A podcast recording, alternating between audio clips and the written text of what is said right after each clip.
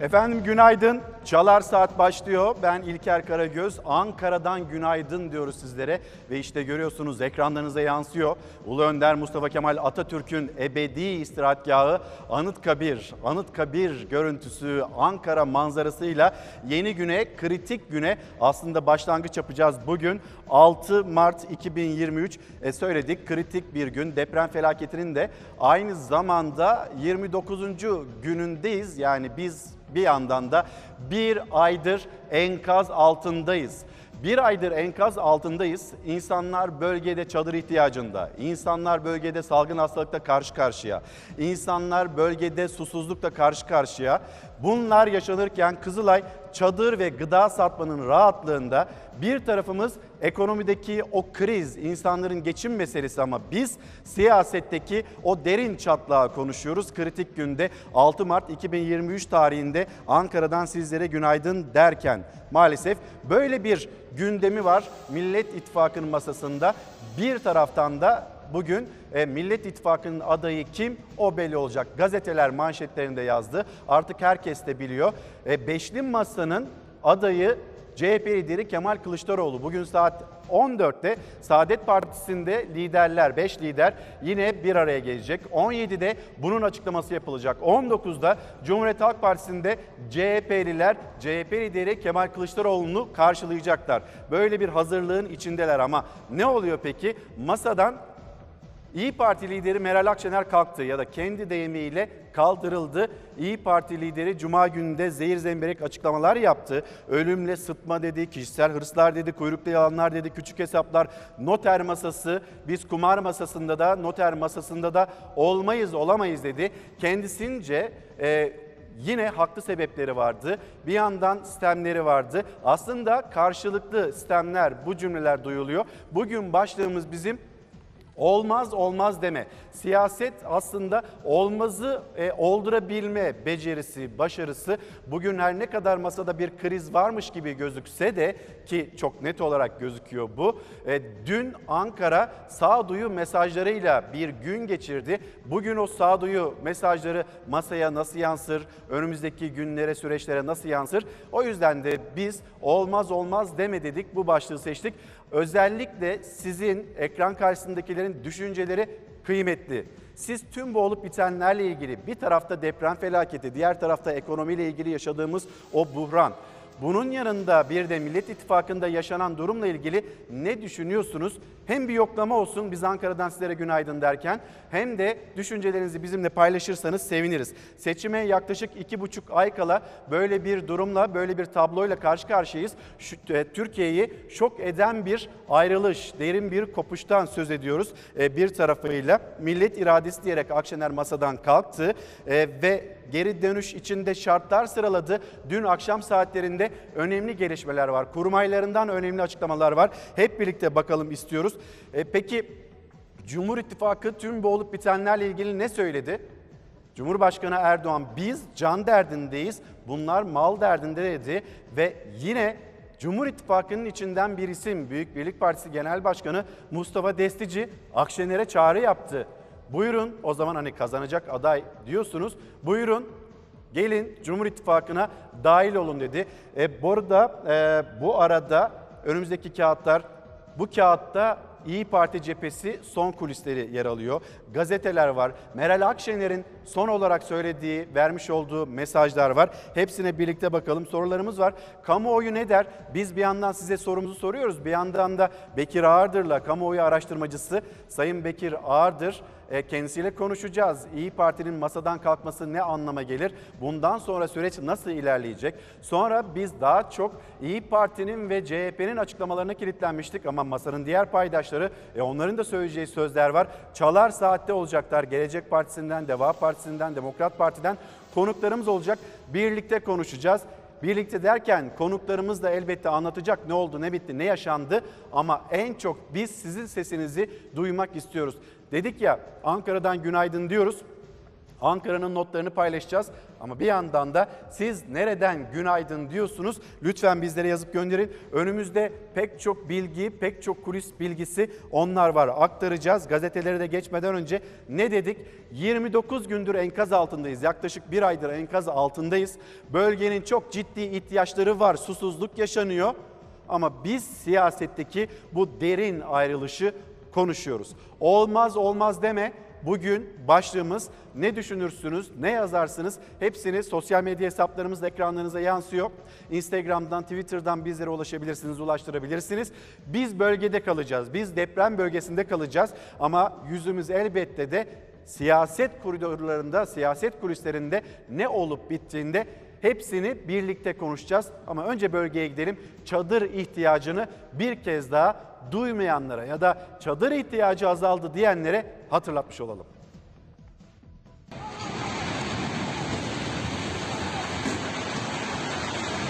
Kahramanmaraş merkezli depremlerde can kaybı 45.968'e yükseldi. Üstelik bir ay geçmesine rağmen hala ağır hasarlı binalar durduğu yerde yıkılıyor. Şanlıurfa'da 6 katlı bina aniden çöktü. AFAD bir kez daha hasarlı binalara girmeyin uyarısında bulundu. Afet bölgesini etkileyen depremler de devam ediyor. Saat 23.49'da İskenderun Körfezi'nde 4,5 büyüklüğünde bir deprem meydana geldi. Öte yandan bölgede içme suyu sıkıntısı yüzünden depremzedelerin mağduriyeti derinleşiyor. Deprem bölgesi beşik gibi sallanmaya devam ediyor. 23.49'da merkez üssü İskenderun körfezi olan 4,5 büyüklüğünde deprem meydana geldi. Depremin ardından denizde taşma yaşandı. Sokaklar, caddeler su altında kaldı. İskenderun Kaymakamlığından yapılan açıklamada su seviyesinin yükselmesinin sebebinin deprem değil lodos olduğu belirtildi. Afet bölgesindeki ağır hasarlı binalar aniden yıkılıyor. Çevre içinde tehlike oluşturuyor. Yetkililer hasarlı binalara girilmemesi gerektiğini her defasında vurguluyor. Şanlıurfa'da İşlek Cadde'de bulunan 6 katlı bina çöktü. Şanlıurfa'nın Halili ilçesinde Bahçelievler mahallesinde bulunan ağır hasarlı 6 katlı bina çöktü. Arabaların caddede trafik oluşturduğu, yayaların kaldırımda yürüdüğü sırada kumdan kale gibi yere inen bina bazı vatandaşların yaralanmasına sebep oldu. İçeride biri olabilir diye 8 saat boyunca enkazlı arama çalışmaları yapıldı. Yıkılan binanın altında kimsenin kalmadığı açıklandı. Dün geldi bulanık tem, saf değil, temiz de değil yani. Var mıdır içme suyu? Yok. Babamız geçen e, köyde bir çeşme var oraya gitti getirdi. Bugün mesela suyumuz yok. Olmayan bir şeyi öyle bir sosyal medya dalgası yayılıyor ki bazen çalışmaktan da alıkoyuyor. Çok sıkıntısı var. Nasıl yok?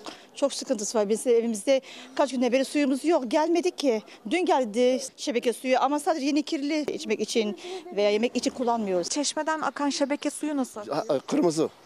O kesinlikle içilmez. Depremin vurduğu illerde mahallelere şebeke suyu verilmeye başlandı. İçilmemesi yönünde uyarı zaten devam ediyor ama günlük hayatta da kullanmaya çekiniyor depremzedeler rengi ve kokusu nedeniyle.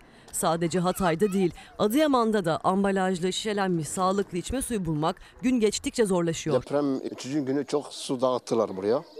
Ama şu anda tükendi. Yani bulamıyoruz. Birkaç defa gittik görmedi yani yetişmedi. Sıra çok millet hep mağdur. İçişleri Bakanı Süleyman Soylu manipülasyon dedi su yok tepkileri için. Hatay'daki durumla ilgili ise Büyükşehir Belediye Başkanı Lütfü Savaş daha detaylı bir açıklama yaptı. Hatay'da su yok etiketiyle sosyal medyada ülke gündemine giren konu şebekelerdeki su iletimine ilişkin değil, hazır şişelenmiş ve damacana su olduğuna dikkat çekmek isterim. Sadece bugün Hatay'a verilen ambalajlı içme suyu adedini söyleyeyim. 1 milyon 200 bin adet. Dağıtmıyorlar abi. Belli bir yerlere gidiyor. Tırlar geliyor, liste yapılıyor, gidiyor belli, belli insanlara geliyor. Herkesin evinde en azından 4-5 çocuk var.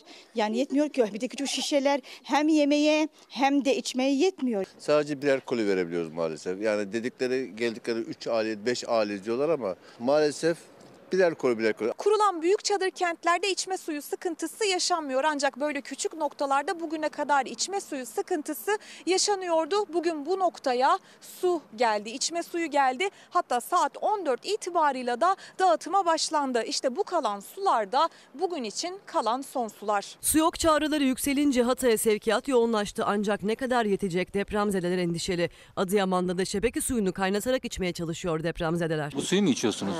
He valla akşam çay içtik valla döktük içmedik. E, kokuyor. Mecbur olsa içer kurban olayım. Efendim deprem bölgesinde bunlar yaşanırken Ankara'da da derin bir kopuşu konuşuyoruz. İşte elimizde ve ekranlarınıza da yönetmenimiz e, Hilal e, senle, e, senden bir rica etsem bir gösterebilir miyiz? Yani burada liderler o gün o imzayı attı. Meral Akşener de o imzayı atan liderlerden birisiydi. Mürekkebi kurumadan sonra ne oldu, ne yaşandı bunu anlamaya çalışıyoruz. Niye o kadar ağır bir konuşma, niye o kadar ağır bir konuşmayla kameraların karşısına geçildi? Aslında bu bir taraftan anlaşılmaya çalışılıyor. E, tekrar söyleyelim Ankara dün günü sağduyu mesajlarıyla geçirdi ve bir tarafta İyi Parti'den gelen mesajlar, diğer tarafta kurmaylardan, diğer tarafta Cumhuriyet Halk Partisi'nden gelen mesajlar vardı. Peki bugün, bugün kritik. Şimdi İyi Parti kulislerine hep birlikte bakalım istiyoruz. Ee, İyi Parti kurmayları ne düşünüyorlar? Bu saatten, bu dakikadan sonra CHP lideri Kemal Kılıçdaroğlu adaylık kararından vazgeçer mi? Yani e, Meral Akşener'in söylediği isimler Ekrem İmamoğlu, Mansur Yavaş bu isimlere bir dönüş olur mu? CHP lideri buna tamam der mi? Hayır diyeceğini düşünüyor İyi Parti. Peki Meral Akşener hani bu cümleleri e, geride bırakabilir mi? Bu cümlelerden bir geri dönüş olabilir mi? Aslında bununla ilgili açıklamalar da yaptı. O gün masada ne yaşandığını anlattı. Bir yandan gazeteci Candaş Tolga'ya, diğer yandan Sevilay Yılman'a yapmış olduğu açıklamalar var. Sevilay Yılman'a yapmış olduğu açıklamalardan e, bir cümle ben o gün azıcık duygu fışkırması yaşadım o cümleleri söylerken. Yani biz bunu bir geri dönüş olarak algılayabilir miyiz? Masada tekrar bir birliktelik, beşli masa yeniden altılı masaya dönüşür mü, evrilir mi? Bunu anlama gayreti içinde sadece bizler değil aynı zamanda İyi Parti de bir yandan bunu anlamaya çalışıyor. Bir B planı var mı mesela İyi Parti'nin? İyi Parti'nin kurmayları bir B planından açıkçası haberdar değil. Yani bizim gördüğümüz, bizim anladığımız bu çoklu bir aday gündemde artık Türkiye için. ilk turda bitme ihtimali zayıflamış bir seçim 14 Mayıs'ta olacak. Yani ikinci tura kalacak ve e, İyi Parti'den e, yine pek çok milletvekilinden akşam saatlerinde sosyal medya üzerinden paylaşımlar yapıldı. Biz Cumhur İttifakı'na girmeyiz, girmeyeceğiz. Nerede duruyorsak e, seçmenimize verdiğimiz söz çerçevesinde hareket edeceğiz açıklamaları. Peki ikinci tura mesela CHP lideri Kemal Kılıçdaroğlu kalırsa İyi Parti Kılıçdaroğlu'nu destekleyecek mi mesela? Biz İyi Parti'den bunun net cümlesini de duymadık. Orada da bir karar almayı düşünüyor İyi Parti. Şimdi çok uzun süredir yol yürüyor CHP ve İyi Parti ama ikinci tura Kılıçdaroğlu kalırsa destekleyecek mi, destekleyemeyecek mi, desteklemeyecek mi? Bunun net cümlesini de henüz duyabilmiş değiliz. Ee, Akşener aday olacak mı? Yani televizyon ekranlarında Ersan Şen beni aradı, Meral Akşener ve görüşeceğiz kendisiyle e, Cumhurbaşkanlığı teklifini iletti diye bir çıkış yapsa da e, öyle olmadığı da söyleniyor. İyi Parti kaynakları hayır hani cümlelerinden dolayı e, İyi Parti'nin hassasiyetlerinin, Meral Akşener'in hassasiyetlerinin anlaşıldığını gördüğü için Akşener Ersan Şen'i aradı. Teşekkür etmek için aradı. Bir teklif için aramadı denildi ama bu da sosyal medyada oldukça konuşuldu. Bir iletişim başarısızlığı yaşanıyor ve bunu söyleyenler de yine İyi Parti'nin içindeki kurmaylar. O kurmayların değerlendirmeleri bu şekilde bir özensizlik, bir e, dikkatsizlik yaşanıyor ve buna da itiraz ediyor İyi Partililer. Peki Akşener aday olacak mı? Akşener'i adaylığa ikna etme turları başlayabilir. Eğer masada yeniden bir birliktelik olmazsa Akşener olacak gibi gözüküyor e, İyi Parti'nin adayı. Sonra e, siyasette hani her şey olur, olmaz e, dememek lazım. Başlığımızı bir kez daha hatırlatalım. Olmaz olmaz deme başlığı altında konuşuyoruz. Cumhur İttifakı'na gider mi İyi Parti? Gitmeyiz taahhütleri var. Ama bugüne kadar olmaz denilen o kadar çok şey oldu ki biz artık bunun net bir cümlesini kuramıyoruz diyen pek çok siyasetçi de var. E, bizim kaybedebilme endişelerimiz masada anlaşılmadı. Yani İyi Parti lideri Akşener'in bu sözleri, bu cümleleri duyulmadı. Madem çok kazanacağız, bununla ilgili de bir taahhüt ortaya koyuyorsunuz. Bizi de niye ikna etmeye çalışmadılar? Niye böyle e, apar topar bir adaylık e, belirleme, adayı açıklama e, çabasına girildi? Bizim de anlaşılmamız gerekmez miydi? İyi Parti'nin kendi tarafından, kendi cephesinden ortaya koymuş olduğu haklılık cümleleriydi. Şimdi peki Cumhur İttifakı, Cumhur İttifakı tüm bu olup bitenleri, gelişmeleri nasıl değerlendiriyor? Ne dedi Cumhurbaşkanı? Biz can derdindeyiz. Bunlar mal derdinde. Bir hatırlatma daha. Büyük Birlik Partisi lideri Mustafa Destici İyi Parti'ye Meral Akşener'e çağrı yaptı. Buyurun Cumhur İttifakı'na gelin siz de. Hani madem bir kazanacak aday e, arayışı var İyi Parti'de. Bizim adayımız kazanacak. E siz de gelin o zaman e, Cumhur İttifakı'nda bizim yanımızda yer alın çağrısı yaptı. Bakmayın bu çağrılar ve e, Destici'nin cümleleri de İyi Parti'de bir başka kırgınlık da yarattı. Biz bu cümleleri duymak istemezdik diye o kırgınlığı da çok net bir şekilde ifade ediyorlar. Pek çok konu var, pek çok bilgi var. Etrafımızda bizim masamızda dağınık böyle her tarafta e, kim ne söyledi, ne yaptı, hangi mesajlar verildi. Sofra adabıyla mesela CHP lideri Kemal Kılıçdaroğlu'nun bir çağrısı var İyi Parti'ye. Bu masada Erdoğan'ın dilinin olmaması gerekiyordu.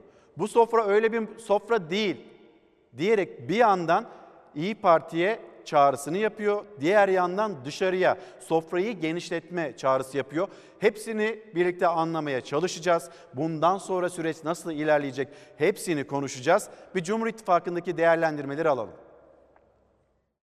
Hiç meraklanmayın bütün taşlar yerine oturacak. Dökülen taşları toplamak gibi bir derdimiz yok. Oturdular, konuştular ve dağıldılar demiştik. Öyle oldu mu şu anda? Oldu. Yolumuza devam ediyoruz arkadaşlar. Millet İttifakı'nda taşlar yerinden oynarken dışarıdan ilk taş Erdoğan'dan geldi. CHP lideri de 418 milyar dolar hatırlatmasıyla karşılık verdi. 418 milyar dolarla ilgili çok kararlı olduğumun tekrar altını çizmek isterim. Her kuruşu bu milletin insanlarına geri verilecek. Kim olduğunuz, nasıl düşündüğünüz, kime oy verdiğinizin hiçbir önemi yok. Bu para sizin, hakkınızı alacaksınız. Halktan çalınan o 418 milyar doları kuruşu kuruşunu aldığımızda halkın sofrası şenlenecek, hak yerini bulacak. Evet biz bunu başaracağız. Millet İttifakı'ndaki çatlamaya Erdoğan böyle olacağını söylemiştik dedi. Deprem üzerinden can ve mal göndermesi yaptı. Sözlerine cevap beşli masa bildirisiyle geldi. Biz can derdindeyiz. Bunlar ise mal derdinde. Bu dağılmanın olduğu anda biz neredeydik? Dolmabahçe'de biz 110 kadar ilim adamıyla toplantı halindeydik. Çünkü biz can derdindeyiz. Hiçbir gelişme milletimizin deprem felaketi dolayısıyla yaşamakta olduğu acılara sebep olan yönetim zafiyetinin üstünü örtemez. Bütün bu yönetim zafiyetlerine son vereceğimizi, vatandaşlarımızı güvenli şehirlerde, konutlarda yaşatmak için gerekli tedbirleri alacağımızı taahhüt ediyoruz. Depremde kaybedilen canların resmi sayısı 45 bini aştı. Hükümet bölgede yeni bir inşaat hamlesi başlattı. Beşli masada Erdoğan'ın onlar mal biz can derdindeyiz sözlerine depremdeki yönetim zafiyetini hatırlatarak güvenli şehirleri biz kurarız diyerek meydan okudu.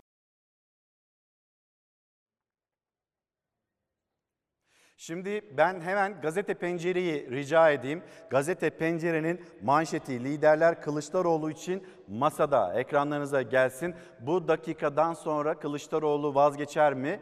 Geçmez. Zaten geçmeyecek. Bugün 5 lider Millet İttifakı Cumhurbaşkanı adayı olarak CHP lideri Kemal Kılıçdaroğlu'nu açıklayacak. 14'te saatler 14'ü gösterdiğinde Saadet Partisi'nde bu buluşma gerçekleşecek. 17'de Türkiye'ye duyurulacak. 19'da Cumhuriyet Halk Partililer CHP lideri Kemal Kılıçdaroğlu'nu genel merkezde karşılayacaklar. Yani CHP lideri Kılıçdaroğlu için liderler masada bir yandan da o açıklamayı biz 17'de e, göreceğiz, duyacağız. E, Türkiye'de, Ankara'da ne oluyor, ne bitiyor siyaset koridorlarında hepsini konuşacağız. Birlikte İyi Parti e, ile yaşanan krizin ardından beşli olarak yola devam kararı alan Millet İttifakı liderleri gerilim yaşanan toplantıda alınan karar gereği bugün aday belirlemek için buluşuyor. Akşener'in olmadığı masada tek aday CHP Genel Başkanı Kemal Kılıçdaroğlu. CHP örgütlerinin de adaylık açıklaması için toplantının yapılacağı Saadet Partisi önünde buluşması bekleniyor. İyi Parti Kılıçdaroğlu konusunda geri adım atılmazsa toplantıya katılmayacağını duyurmuştu ve bu mesajlarını masaya geri dönüş şartlarını İyi Parti lideri Meral Akşener dün konuşmuş olduğu gazetecilerle de paylaştı. Onun detaylarını da paylaşacağız. Yalnız mesela e, Sevilay Yılman, Sevilay Yılman'a İyi Parti lideri ne söyledi, şartı neydi? Hemen söyleyelim biz de başta. Masadan ben kalkmadım kaldırıldım. Eğer masa ya da Kemal Bey milletin bu talebine yani İmamoğlu teklifi vardı, Mansur Yavaş teklifi vardı, Meral Akşener'in milletin bu talebine bir geri dönüş olur ise hiç gurur yapmadan o masaya geri dönerim dedi. Yani şartı bu. Eğer aday ya Mansur Yavaş ya da İmamoğlu onlardan birisi olursa ben masaya yeniden dönerim dedi e, Meral Akşener. Son toplantıdan çıktığım ana geri dönerim. Yeter ki seçimi alalım, yeter ki Erdoğan'ı gönderelim dedi. Konuşması ile ilgili olaraksa çünkü zehir zemberek bir konuşma İyi Parti liderinden azıcık duygu fışkırması yaşadım diye de tarif etti Meral Akşener cümlelerini. Peki İyi Parti kulisleri onlar ne söylüyor? Oraya bir kez daha dönecek olursak mesela İyi Parti lideri şunu söylüyor. O ana, o saniyeye kadar kimse CHP lideri Kemal Kılıçdaroğlu'nun adaylığı ile ilgili net bir tavrı ortaya koymamıştı ve o gün ben karşımda bunu buldum diyor aslında mealen. Peki ikili buluşmalar oldu, kahvaltıda buluştular, ne bileyim hafta sonu buluşmaları oldu. Her krizi iki lider birlikte çö- çözebilme başarısını da göstermişti. İyi Parti'den bazı isimler diyor ki belki böyle bir durum vardı. O zaman Meral Hanım açamaz mıydı bu konuyu? Ee, biz sizin adaylık konusunda e, iddialı olduğunuzu, aday olmak istediğinizde görüyoruz. Yalnız sizin kazanmanızla ilgili de bizim endişelerimiz var diyerek söze giremez miydi? E, girebilirdi diyor. E, yine İyi Parti'nin içinden kaynaklar. Yani burada tek taraflı bakmadan sadece İyi Parti ekseninde ya da CHP ekseninde e, bakmadan iki tarafı da dinleyerek, iki tarafın sistemlerini de dinleyerek, iki tarafın da endişelerini de gidererek aslında bir yol yürünemez miydi? Bunu dün gün boyu Ankara'da kurmaylar, iki partinin kurmayları sıklıkla dile getirdi. Bugün başlığımız tekrar söyleyelim. Şu anda olmaz gibi gözüküyor.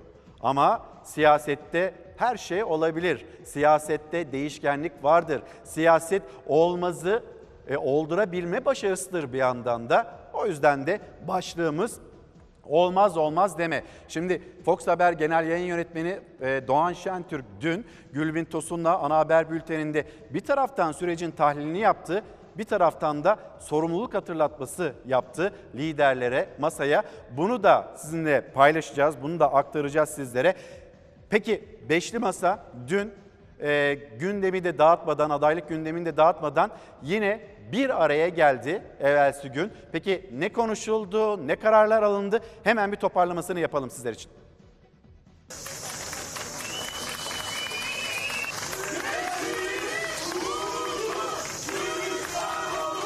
Ben bu saatten sonra değişmem. Ben birleştiririm. Birleştirmeye de devam edeceğim. 6 Mart'taki toplantıya Akşener katılacak mı? Yok hayır katılmayacağım. İyi Parti kişisel ikbal hesapları için üretilmiş devşirme bir siyasetin hınk deyicisi olmayacaktır. 2 Mart'tan 4 Mart'a masanın altından sular sert aktı. Akşener'in bugün adayın açıklanacağı nihai toplantıya katılıp katılmayacağı henüz net değilken İmamoğlu ya da Yavaş'ın adaylığı kabul edilirse masaya dönerim çıkışı dururken masanın beşli hali ilk fotoğrafı dün ve bugün vurgusuyla zafer hedefiyle verdi. Düne ve bugüne sıkışmadan yarının Türkiye'sini inşa ve ihya etmekte kararlıyız. Hedefimiz kaybedeni olmayan bir zaferdir. Bu masa artık potansiyel adayların tartışılabildiği bir ortak akıl platformu olmaktan çıkmış, tek bir adayın tasdiki için çalışan bir noter masasına dönüşmüştür. Bizler yola çıktığımız ilk günden beri ortak akıl, istişare ve uzlaşı ile bir süreç yürütüyoruz. Bir yıl önce 22 Şubat'ta kurulan ve sonrasında Millet İttifakı'na dönüşen Altılı Masa'nın adayın konuşulacağı toplantısında dört lider Kılıçdaroğlu'nun adaylığını gündeme getirdi. Meral Akşener'in ise uzun süredir kazanacak aday vurgusunu CHP'li iki belediye başkanı Ekrem İmamoğlu ve Mansur Yavaş'la somutlaştırdı. Anket önerileri de kabul görmedi. İyi Parti lideri o gün yaşananları ilk ağızdan gazeteci Candaş Tolga Işık'a anlattı. Baktım ki benim dışımdaki herkesle Sayın Kılıçdaroğlu'nun adaylığı görüşülmüş anlaşılmış ama isterseniz bir kamuoyu araştırması yapalım ona göre hareket edelim dedim. Sayın Kılıçdaroğlu kabul etmedi. Bu önerime hiddetlenip ayağa kalktı. Kendi adaylığının bugün ortak bir yazılı açıklamayla duyurulmasını talep etti. 2 Mart'ta Altılı Masa'nın ne kadar elektriklendiği, Kılıçdaroğlu'yla neler yaşandığı ve 6 Mart buluşmasına karar verilen metinde Akşener'in imzasının nasıl yer aldığı da yine İyi Parti liderinin ağzından dile geldi. Siz imzalamayın o zaman biz imzalarız duyururuz deyince ben masadan kalkayım o halde dedim. Siz bilirsiniz dedi. Ali Bey tansiyonu düşürmek için araya girdi ve aday isminde değil ama adaylık konusunda bir mutabakata varıldığına dair bir metne imza atıldı. İyi Parti bir kıskaca alınmış, bir dayatmaya mecbur bırakılmış. Elbette buna boyun eğmeyecektir. Millet İttifakı ilk gün hangi ilke ve hedefler doğrultusunda kurulduysa bugün de yine aynı istikamette çalışmalarına devam etme kararlılığındadır. Beşli Masa'dan Akşener'in yeni açıklamalarına henüz cevap yok ama Akşener'siz Millet İttifakı ilk toplantısını yaptı. Kulislere göre bugün Akşener'in masaya gelmek istemesi halinde bir sorun olmayacağı, kalktığı yerden devam edebileceği konusunda görüş birliğine varıldı. Habertürk'ten gazeteci Sevilay Yılman'a da konuşan Akşener masaya ya da Kemal Bey milletin dediğini kabul ederse diyerek İmamoğlu ve Yavaş'ın adaylığını işaret edip hiç gurur yapmadan masaya dönerim dedi. Ancak kurmayı Musavat Dervişoğlu dün Akşener'in toplantıya katılmayacağını söyledi. 6 Mart'taki toplantıya Akşener katılacak mı? Yok hayır katılmayacak. Katılmayacak. Katılmayacak dediniz değil mi efendim? Evet öyle dedim. Beş e, partinin lideri bugün toplandı. Biraz Bundan sonra Bu sofraya o oturmasın, bu oturmasın diyerek bu ülkeyi toparlayamayız. Erdoğan gitsin ama Erdoğanizm gelsin. Bu da olmaz. Tarihi sorumluluğumuz var bizim. İmzamızın ve milletimize verdiğimiz her sözün arkasındayız. Ancak ne bir kumar masasında ne de bir noter masasında olmayacağız. Kılıçdaroğlu aynı inanç ve kararlılıkla yürüyüşümüz sürüyor derken ilk günkü kararlılık vurgularıyla Beşli Masa ortak Cumhurbaşkanı adayı ve geçiş sürecini açıklamak için bugün saat 14'e saatlerini kurdu. Kılıçdaroğlu'nun adaylığını açıklamaya hazırlanıyor. Katılmayacağı söylenen Akşener cephesinde zayıf ihtimal olarak görünse de bir son dakika sürprizi yaşanır mı? En kritik soru işareti. Mesajlarınızdan gördüğümüz, mesajlarınızdan anladığımız aslında liderlere yönelik bir sorumluluk çağrısı. Şu anda ekran karşısında olan izleyicilerimiz böyle bir çerçevenin içinde ve iki tarafın da yani İyi Parti lideri Meral Akşener'in de CHP lideri Kemal Kılıçdaroğlu'nun da ya da masanın tüm paydaşlarının da ne düşündüğü ne söylediğinin önemsenmesi, herkesin birbirinin dinlemesi ve bu birlikteliğin devam etmesi yönünde mesajlarınız geliyor. Ve tekrar söyleyelim bugün başlığımız olmaz olmaz deme. Siz ne dersiniz? Ekran karşısında olan izleyicilerimiz nereden günaydın diyorsunuz bizlere? Bu yoklamayı da e, bırakmayalım.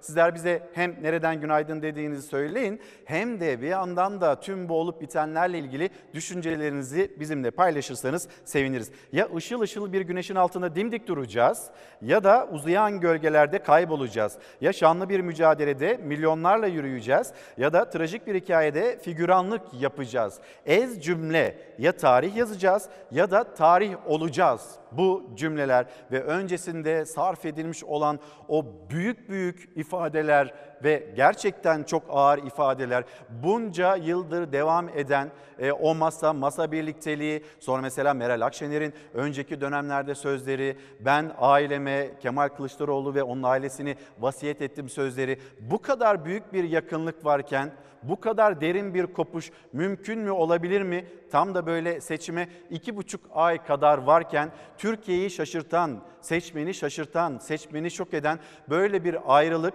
olabilir mi? Bu doğru mudur diye sizlerden gelen mesajlar var. Konuşacağız, gazetelere de bakacağız. Yalnız tekrar söyleyelim.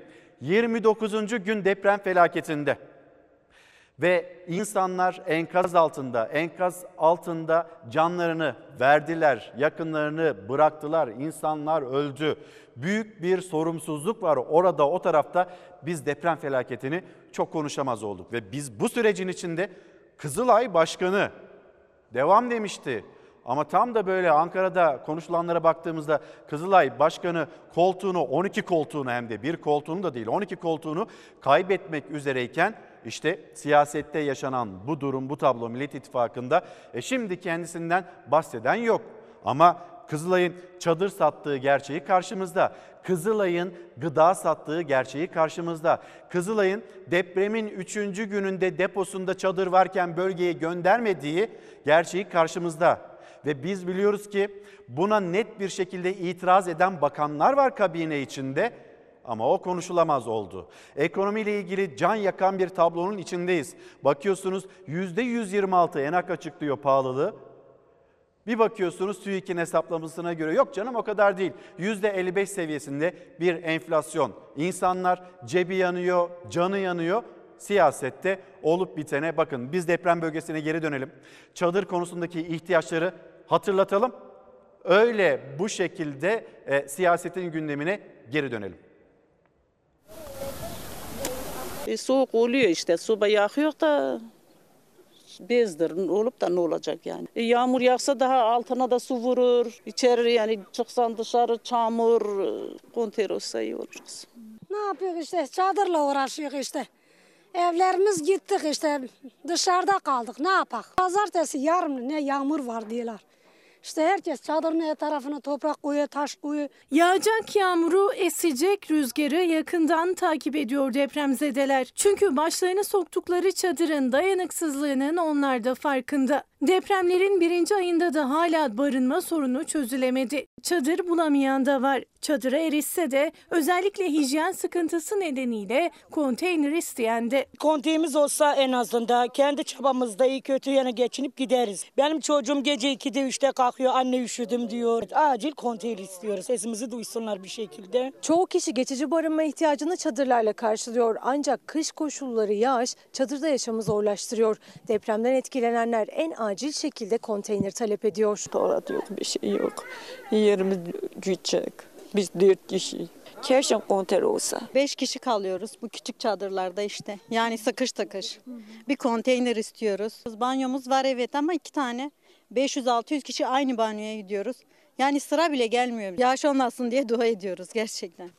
Yani yağış olursa görüyorsunuz zaten her yer toprak, her yer çamur olacak, bataklık olacak, daha da kötü olacak. Evlerimiz, her şeyimiz gitti. Yani çocukla olmak da çok zor çadırda. Yani evi kötü olmayanlara veriyoruz çamaşırlarımızı, yıkayıp getiriyorlar. Onun dışında da biraz elde yıkıyoruz. Çamaşırlarını yıkamak için hasarlı evlere girenler var. Yağmur yağacak diye çadırın çevresine taşlarla diziyorlar. Konteyne başvurduk işte. Umudumuz yok ama bilmiyorum verilmer vermeden mi? Çünkü çok binlerce kişi Kahramanmaraş'ın Nurhak ilçesinde de depremzedeler yüreklerindeki acıyla çadırlarda yaşam mücadelesi veriyor. CHP lideri Kemal Kılıçdaroğlu'nun eşi Selvi Kılıçdaroğlu ve CHP İstanbul İl Başkanı Canan Kaftancıoğlu depremzedelerin acısını paylaşmak için bölgedeydi. Onlar da benzer taleplerini dinledi. İyi koordine edilemedi insanlar yani. Yazık oldu. Çok. Çok kişi hayatta olabilirdi. Bu acıları hep beraber Aman elimizden inşallah, geldiğince inşallah. inşallah. İnşallah bana bir gözler verin. Şöyle içeri gireyim aldım ağlayayım başka bir şey istemiyorum.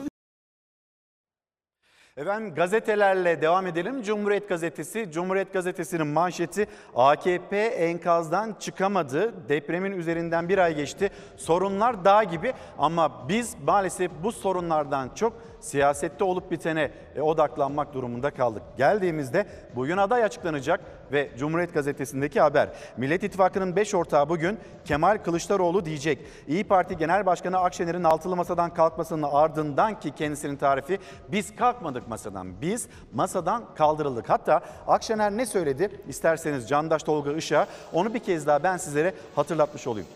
O gün masaya oturduk. Yani Meral Akşener masayı anlatıyor. O günkü konuşmayı anlatıyor. O gün masaya oturduk. Baktım ki benim dışımdaki herkeste Sayın Kılıçdaroğlu'nun adaylığı görüşülmüş, anlaşılmış. Burada İyi Partililer de onlar da diyor ki bizim endişelerimiz var. Kemal Kılıçdaroğlu'nun kazanamayacağına dair endişelerimiz var. Ve biz bu endişeleri yaşarken şu yapılabilirdi. Madem Kılıçdaroğlu bu konuyu açmıyor, e, o zaman Meral Hanım endişeleri hatırlatıp kendisi bu konuya girebilirdi. Keşke girseydi. Yorumları da var. Devam edelim. Söz en son bana gelene kadar herkes Kemal Bey'in adaylığını dile getirdi. Bana söz gelince bizim anketlerde Yavaş ve İmamoğlu çıkıyor dedim ama İsterseniz bir kamuoyu araştırması yapalım, ona göre hareket edelim dedim. Sayın Kılıçdaroğlu kabul etmedi. Bu önerime hiddetlenip ayağa kalktı. Kendi adaylığının bugün ortak bir yazılı açıklamayla duyurulmasını talep etti. Yani o günkü buluşma, 2 Mart buluşmasından e, söz ediyoruz. Ben de partime sormadan böyle bir karar veremem dedim. Siz imzalamayın o zaman biz imzalarız duyuyoruz deyince ben masadan kalkayım o halde dedim. Siz bilirsiniz dedi. Ali Bey tansiyonu düşürmek için araya girdi. Ve Ali Bey, Ali Babacan ve aday isminde değil ama adaylık konusunda bir mutabakata varıldığına dair bir metne imza atıldı. Yani o gün o imzayı Meral Akşener neden attığını da aslında bu şekilde anlatıyor. Şimdi ekranlarınızda Hilal'den bir kez daha rica edeyim. 2 Mart günü duyurulan, paylaşılan o metin, imzaların atıldığı o metin bir kez daha gelsin. Ve ne denildi? Millet İttifakı'nı oluşturan siyasi partilerin genel başkanları olarak 28. dönem meclis ve 13. Cumhurbaşkanlığı seçimlerinde ortak Cumhurbaşkanımız ve geçiş süreci yol haritası konusunda ortak bir anlayışa ulaşmış bulunuyoruz. Cümleleri böldüğümüzde ve bağlacını attığımızda Cumhurbaşkanı adayımız konusunda ortak bir anlayışa ulaşmış bulunuyoruz anlamı çıkıyor. Sonra geçiş süreci yol haritası konusunda ortak bir anlayışa ulaşmış bulunuyoruz. Yani metin bir anlamıyla adaylık konusunda altı ismin de net olarak anlaştığını gösteriyor.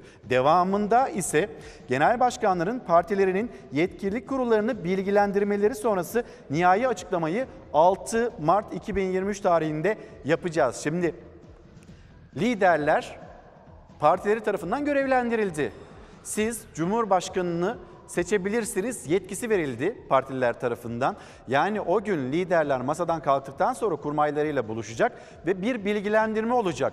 Bizim bu metinden anladığımız buydu ama İyi Parti açısından böyle değilmiş. Endişeleri vardı, sistemleri vardı Meral Akşener'in. Bu çerçevede Meral Akşener ve kaygılarının anlaşılması gerekiyor. E, CHP lideri, CHP lideri ve kurmayları e, onların da söyleyecekleri vardır. Sonra masanın diğer paydaşları herkesin birbirini anlayarak yol yürümesi gerekirken şimdi altılı masa beşli masa haline geldi. Akşener'in e, Candaş Tolga Işık'a yapmış olduğu açıklamalar, değerlendirmeler bu şekilde. İyi Parti kulislerine tekrar dönecek olursak İyi Partililer şunu net olarak biliyorlar. Kemal Kılıçdaroğlu adaylıktan vazgeçer mi? Geçmeyecek. Meral Akşener bu sözlerinden vazgeçer mi? Şartları var. Mansur Yavaş ya da Ekrem İmamoğlu bu iki isimden birisi olursa ben tüm bu sözlerimi de geri alırım hiç de gurur yapmam, masaya geri dönerim dedi ama öyle bir tablonun içinde değiliz. Peki B planı ne? İyi Parti'nin en başından beri B planı var mıydı? B planı olarak Cumhuriyet Halk Partisi'nin belediye başkanları var. Hani o gözüküyor. Bir B planı olmadığı yine kulislerde konuşuluyor. Şimdi kurmayları Akşener'i ikna etmeye çalışacak. Çok net bir tavır ortaya koydu ve ben feragat ediyorum, bu hakkımdan feragat ediyorum demişti. Şimdi kurmayları Meral Akşener'i Cumhurbaşkanı adaylığına ikna etme çalışması içinde göreceğiz. Masaya bir geri dönüş olacak mı? İyi Parti'nin adayı Meral Akşener olacak mı? Pek çok belirsizlik var ve bu belirsizlikler hani 6 Mart 2023 tarihi geride kaldığında taraflar daha fazla konuştuğunda anlaşılacak. Seçime yansıması ne olacak? Biz ona bakmayız ki. Biz seçimin sonucuna bakarız diyen izleyicilerimiz var. Göndermiş olduğunuz mesajlardan anladığımızda bu. Farklı bir şey değil. Şimdi İyi Parti cephesi.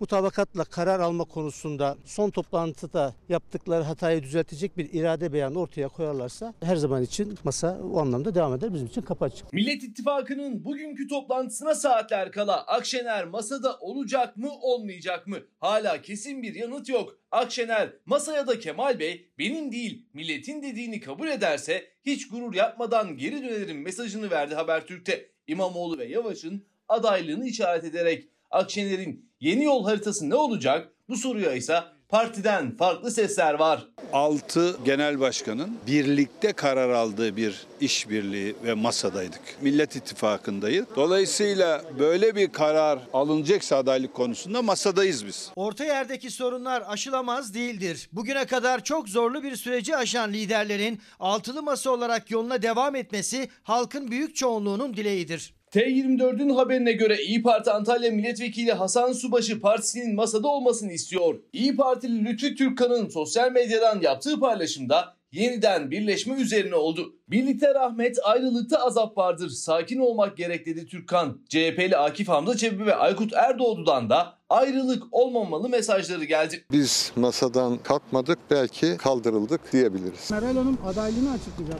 Onlara bakacağız. Önümüzdeki toplantılarda onlar hepsi aşama aşama gidiyor her şey. Adaylık meselesi şu andaki gündemimizde değil. Yaklaşık iki buçuk saat süren son toplantının ardından Meral Akşener şu anda İyi Parti'den ayrılıyor. Genel bir değerlendirme yaptık o kadar. Akşener iki gün boyunca Parti Genel İdare Kurulu, milletvekilleri, il başkanları, belediye başkanlarıyla bir araya geldi. Tüm kurmaylarını dinledi. Bir sonraki adımı ne olacak? İstişareye devam edecek Akşener. Cumhurbaşkanı adayı olacak mı gözler üzerindeyken ilginç bir gelişme yaşandı İyi Parti cephesinde. Sayın Buğra Kavuncu aradı. Ee, Sayın Genel Başkan Meral Akşener sizinle görüşmek istiyor dedi. Görüştüm. Kendisi dedi ki bunda ciddi misiniz dedi. Ciddiyiz gelin görüşelim dedi. Hukukçu Ersan Şen ekrandan İyi Parti teklif ederse 13. Cumhurbaşkanlığı yarışında aday olurum dedi. Şen'in söylediğine göre İyi Parti lideri Akşener'den ciddiyseniz görüşelim çıkışı geldi. Akşener ve Ersan Şen'in hafta içi bir araya gelmesi bekleniyor. Bir TV yayını sırasında Sayın Ersan Şen'in partimiz hakkında ortaya koyduğu kıymetli değerlendirmeler sebebiyle Genel Başkanımız kendisini arayarak teşekkür etmiş ve istişare amacıyla görüşmeye davet etmiştir. Seçime ister çoklu ister tekli nasıl gidilirse gidilirsin bu seçim kazanılacaktır. İkinci tura kalırsa ve çoklu aday olursa da demokrasi konusunda ve Atatürk ülkeleri konusunda ortak paydada buluşulacaktır. Peki ikinci tura kalırsa Sayın Kılıçdaroğlu'nu destekleyecek misiniz? Ona şimdi bir şey söyleyemem. Başkanlık sisteminde oy bölme olayı o yoktur. 3 aday olsun, 5 aday olsun, 15 aday olsun. Muhalefet tarafı. Erdoğan 48'de kaldı. Alamadı. Hiç sözüm yok. Kim ikinci çıkıyorsa ölümüne onu destekleyeceğiz. Cumhurbaşkanlığı seçiminde adaylığını açıklayan isimlerden Muharrem İnce ilk turda çoklu aday muhalefet oylarını bölmez, ikinci turda kim çıkarsa destekleriz dedi. İyi Parti ise Kılıçdaroğlu'nun adaylığında ikinci tura kalınırsa ne yapacaklar sorusuna önce şimdiden bir şey söyleyemem açıklaması yapsa da daha sonra Turhan Çömez'den Erdoğan'ın karşısındaki adayı destekleriz çıkışı geldi. Son siyasi gelişmeler ışığında gördüğüm lüzum üzerine İyi Parti'den istifa ettiğimi kamuoyuna saygıyla duyururum. Seçildikten sonra hayalet modunda devam ettiğiniz milletvekilliği serüveninize sanırım Ankara'da yaşamıyor olsam şahit bile olmazdım. Ankara Milletvekili Ayhan Altıntaş'ın İyi Parti'den istifası sonrası İyi Parti gençlik kollarından peş peşe geldi açıklamalar. İyi Parti Genel İdare Kurulu üyesi Burhanettin Kocamaz da sert bir açıklama yaptı ama sonra tüm tweetler silindi. Çünkü Ayhan Altıntaş saatler içinde Akşener'le görüşmesi sonrası istifasını geri çektiğini, İyi Parti'ye döndüğünü açıkladı. Gözler bugün 5 parti liderinin yapacağı toplantının ardından İyi Parti'nin atacağı adımda olacak ya da toplantıya İyi Parti liderinin katılıp katılmayacağında. Muharrem İnce'nin, Memleket Partisi Genel Başkanı Muharrem İnce'nin netliği birkaç milletvekili açıklaması dışında İyi Parti'de görülmedi. Henüz görülemedi. Bu konuyla ilgili de İyi Parti bir karar alacak belli ki. İşte GİK'te konuşulacak, Genel İdare Kurulu'nda ya da partinin yetkili organlarında konuşulacak ve bir tavır sergilenecek. Belki de hani ikinci tura biz kalacağız e, düşüncesini daha fazla pekiştirmek anlamında bir iletişimi de yönetmek anlamında böyle davranılıyor olabilir. Ama bütün partilerin yaklaşımı nasıl olacak? Mesela bu yarışın ikinci tura kalma ihtimali daha da güçlendi. İkinci tura kalacak. İkinci tura kaldığında e, Cumhur İttifakı'nın adayı belli. Diğer partiler mesela nasıl bir tavır ortaya koyacaklar? Muharrem İnce çok net bir şekilde çizgiyi çizdi. Kim kalırsa Erdoğan karşısında biz onu destekleyeceğiz dedi. İyi Parti ne söyleyecek Ee, ya da Millet İttifakı'nın tavrı ne olacak elbette. Çünkü bir sandık var. Sandıktan ne çıkacağını şu anda kimse öngöremiyor. Şimdi Meral Akşener yeri geldiği parti çıkarlarımızı göz ardı edip milletimiz için fedakarlık ettik. Yeri geldi şahsi hedeflerimizi kenara itip milletimiz için feragat ettik dedi. Yeri geldiği siyasi hesapları reddedip milletimiz için inat ettik, hakarete uğradık, dişimizi sıktık, iftiraya uğradık, göğüs gerdik, linç edildik, yıkılmadık, bıkmadan, usanmadan, vazgeçmeden konuştuk, anlattık, dinledik, gösterdik. Ancak ne yazık ki olmadı, olamadı. Altılı Masa artık millet iradesini kararlarına, millet iradesinin kararlarını yansıtma kabiliyetini kaybetmiştir dedi. Cümleleri burada. Olmadı olamadı. Ama bizim de başlığımız olmaz olmaz deme Bakalım siyaset bugün ne tür gelişmelere de gebe olacak? Takibinde olacağız bizler de. Yarın sabah yeniden karşınıza geldiğimizde ana haber bültenimizde de biz ekran karşısına geçtiğimizde de bunları anlatmak, aktarabilmek için kimin ne söylediğini tekrar tekrar altını çizerek paylaşıyoruz. Yani çok anlatıyorsunuz, çok, çok tekrar oluyor diyen izleyicilerimiz de var. Ama bugün ya da bugünler tarihi günler. Kim nerede durdu, hangi cümleleri söyledi bunun unutulmaması gerekiyor. Aklımızın bir köşesinde kalması gerekiyor. Neden? Unutuyor muyuz? Unutuyoruz. Deprem bölgesini unutuyoruz. Depremde insanların yaşadığı mağduriyeti unutuyoruz. Kızılay'ın çadır sattığı konuşulmuyor. Tekrar dönelim oraya. Yani Kızılay Başkanı da o kadar rahat olmasın. Kızılay'ın çadır sattığı, Kızılay'ın gıda sattığı bu konular unutuluyor. 45 binden fazla insanımızın hayatını kaybettiği, 45 bin 968 can kaybımızın olduğu siyasetin bu tartışmalar içinde geride kalan bir gündem haline gelmesin unutmayın. Unutturmayın bizi diyen depremzedeler var şu anda bizlere mesaj gönderiyorlar. İşte ekranlarınızda sosyal medya hesaplarımız yazıp gönderin. Nedir düşünceniz? Nereden günaydın diyorsunuz? Ve düşünceleriniz nedir? Bizimle paylaşın. Şimdi deprem bölgesine gideceğiz yeniden. Hastalarımız var, engelliler var. Onlar çadırlarda, konteynerların hızla acil bir şekilde buraya bu bölgeye ulaşması gerekiyor. Burada ciddi ihtiyaçlar var en başında barınma. Ve yine devamında su ihtiyacı var. Nereden çıkıyor öyle bir ihtiyaç yok denilse de var. Su ihtiyacı var. Unutulmaması gerekiyor ve deprem bölgesindeki diğer mağduriyetler. Burası sizin yaşadığınız yer şu anda. Evet, aynen öyle. Her şey birbirine geçmiş. Hijyen biraz sıkıntı sanırım sizin için. Evet çok sıkıntı oluyor. Tedavi ben 5 ay ilaç aldım. Kemoterapi. Deprem olduktan dolayı gidemedim. Zor oluyor mu çadırda? Tabii ki zor oluyor. Hep enfeksiyon, hastayım. Çadırda yaşam zaten zor. Onun için daha da zor. 45 yaşında Zeliha Esen, meme kanseri. Depremle tedavisi yarım kaldı. Su taşıyorsun burada, bulaşık yıkıyorsun burada. Annenize de bakmanız gerekiyor bir de. Evet ben bakamıyorum. Buraya geldiğimde beri bakamıyorum. Ameliyat demişti. Hiçbirine ameliyat olsam nerede kalacağım? Ne ev var ne bir şey var bile konteyner yok. Raporumu da gösterdim. Hiçbirinde ses seda yok. Meme kanseri raporunu da gösterdi ancak henüz konteyner verilmedi Zeliha Esen'e. Adıyaman'da hem yıkımın yarattığı ağır koşullarla hem de hastalığıyla mücadele etmek zorunda. Sadece o da değil, tüm hastalar ve engelliler çadırlarda büyük zorluk içinde. Koltuğun altımda ağrı oluyor, kolumda uyuşma oluyor. Lavabolar hep enfeksiyon, etrafı görüyorsun enfeksiyon. Ya abi benim benim hikayem farklı. Zor ben konteyner istiyorum. Bunlar için konteyner olsa daha güzel olur. Çünkü kaldırması var, indirmesi var. Bunun banyosu var. Affedersin bunu günde üç kere değiştiriyorum. Makinem depremde bozulmuş. Bir makine dedim şey dedim bize verin. Bir de buna bir konteyner verin.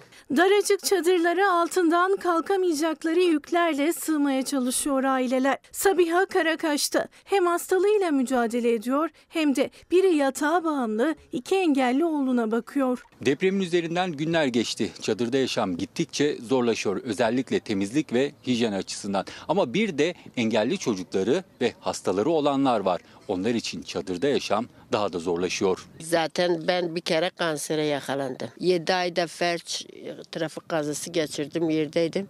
Belim dolu platin. Ben kaldırıp indiremiyorum zaten babası gil olmazsa bunun altını bağlıyorum. Altını çadırda temizliyorum. Günde üç kere altını çadırda açıyorum. Yatarak çocuğum bu böyle. Ee, mesela oğlum e, bir tarafı e, rahatsızlık ve felçlik vurmuş öyle. Benim sol tarafında menecit var bir iş yapamıyorum. Yani benim işim de zor. Bir yaşına menecit hastalığına yakalandım. Bir de epilepsi rahatsızlığım var. Artı iki gözümü kaybetme riskiyle burun burnundayım. Karakaş ailesi de engelli çocukları için konteyner istiyor. Hem konteyner istiyorum hem de annemin dediği gibi bir çamaşır makinesi olursa daha iyi olur. Bunu ku- kucaklık dışarı götürük, kucaklık içeri getirip yatalak içeride de durmuyor sıkılıyor. Şu anda mesajlarınıza yansıyan kırgınlığın aslında o lider bu lider demeden hepsi tarafından anlaşılması, görülmesi gerekiyor. Yani olmadı olamadı noktasından olmaz olmaz deme deyip de e, yeniden bir birlik noktasına ulaşabilmesi gerekiyor diye pek çok mesaj geliyor. Liderler burada e, sizin ne düşündüğünüzde anlamalı, anlaması gerekiyor. Onların da bu arada e, hayırlı kandiller diyelim. Bugün Berat Kandili bir yandan da bizlere hayırlı kandiller diyen izleyicilerimize de bizler de aynı şekilde yanıt vermiş olalım. Milli Gazete, Milli Gazete'nin manşetini okuyacağız ama şimdi tüm bu gündem içinde elbette bir tarafta acımız var.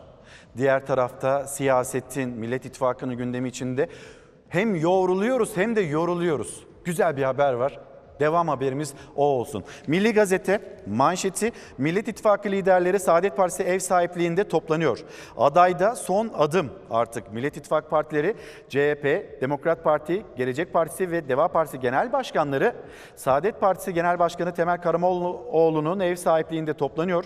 Bugün saat 14'te Saadet Partisi Genel Merkezi'nde gerçekleşecek zirvenin ardından Millet İttifakı'nın Cumhurbaşkanı adayının yanı sıra geçiş süreci ve yol haritası da kamuoyuyla paylaşılacak. Şimdi ne olup bittiğini biz bir yandan yani İyi Parti'nin Meral Akşener'in masadan kalkması ya da kendi deyimiyle masadan kaldırılması siyaseti nasıl şekillendirecek? Ee, sandığa bu nasıl yansıyacak? İyi Parti'ye nasıl yansıyacak? Kamuoyu araştırmacısı ve aynı zamanda yazar kendisi Bekir Ağırdır'la konuşacağız bu konuyu. Ve yine hep İyi Parti, hep CHP, kurmaylar onlar söylüyorlar. Siyasette böyle bu iki parti ağırlığında tartışması da öyle devam ediyor. Ee, ama diğer paydaşlar var onlar neler söyleyecek ona da bakacağız. Hep birlikte konuşacağız bugün. Olmaz olmaz deme başlığı altında. Şimdi 2023 Avrupa Salon Atletizm Şampiyonası'nda kadınlar 3 adım atlamada şampiyonumuz var.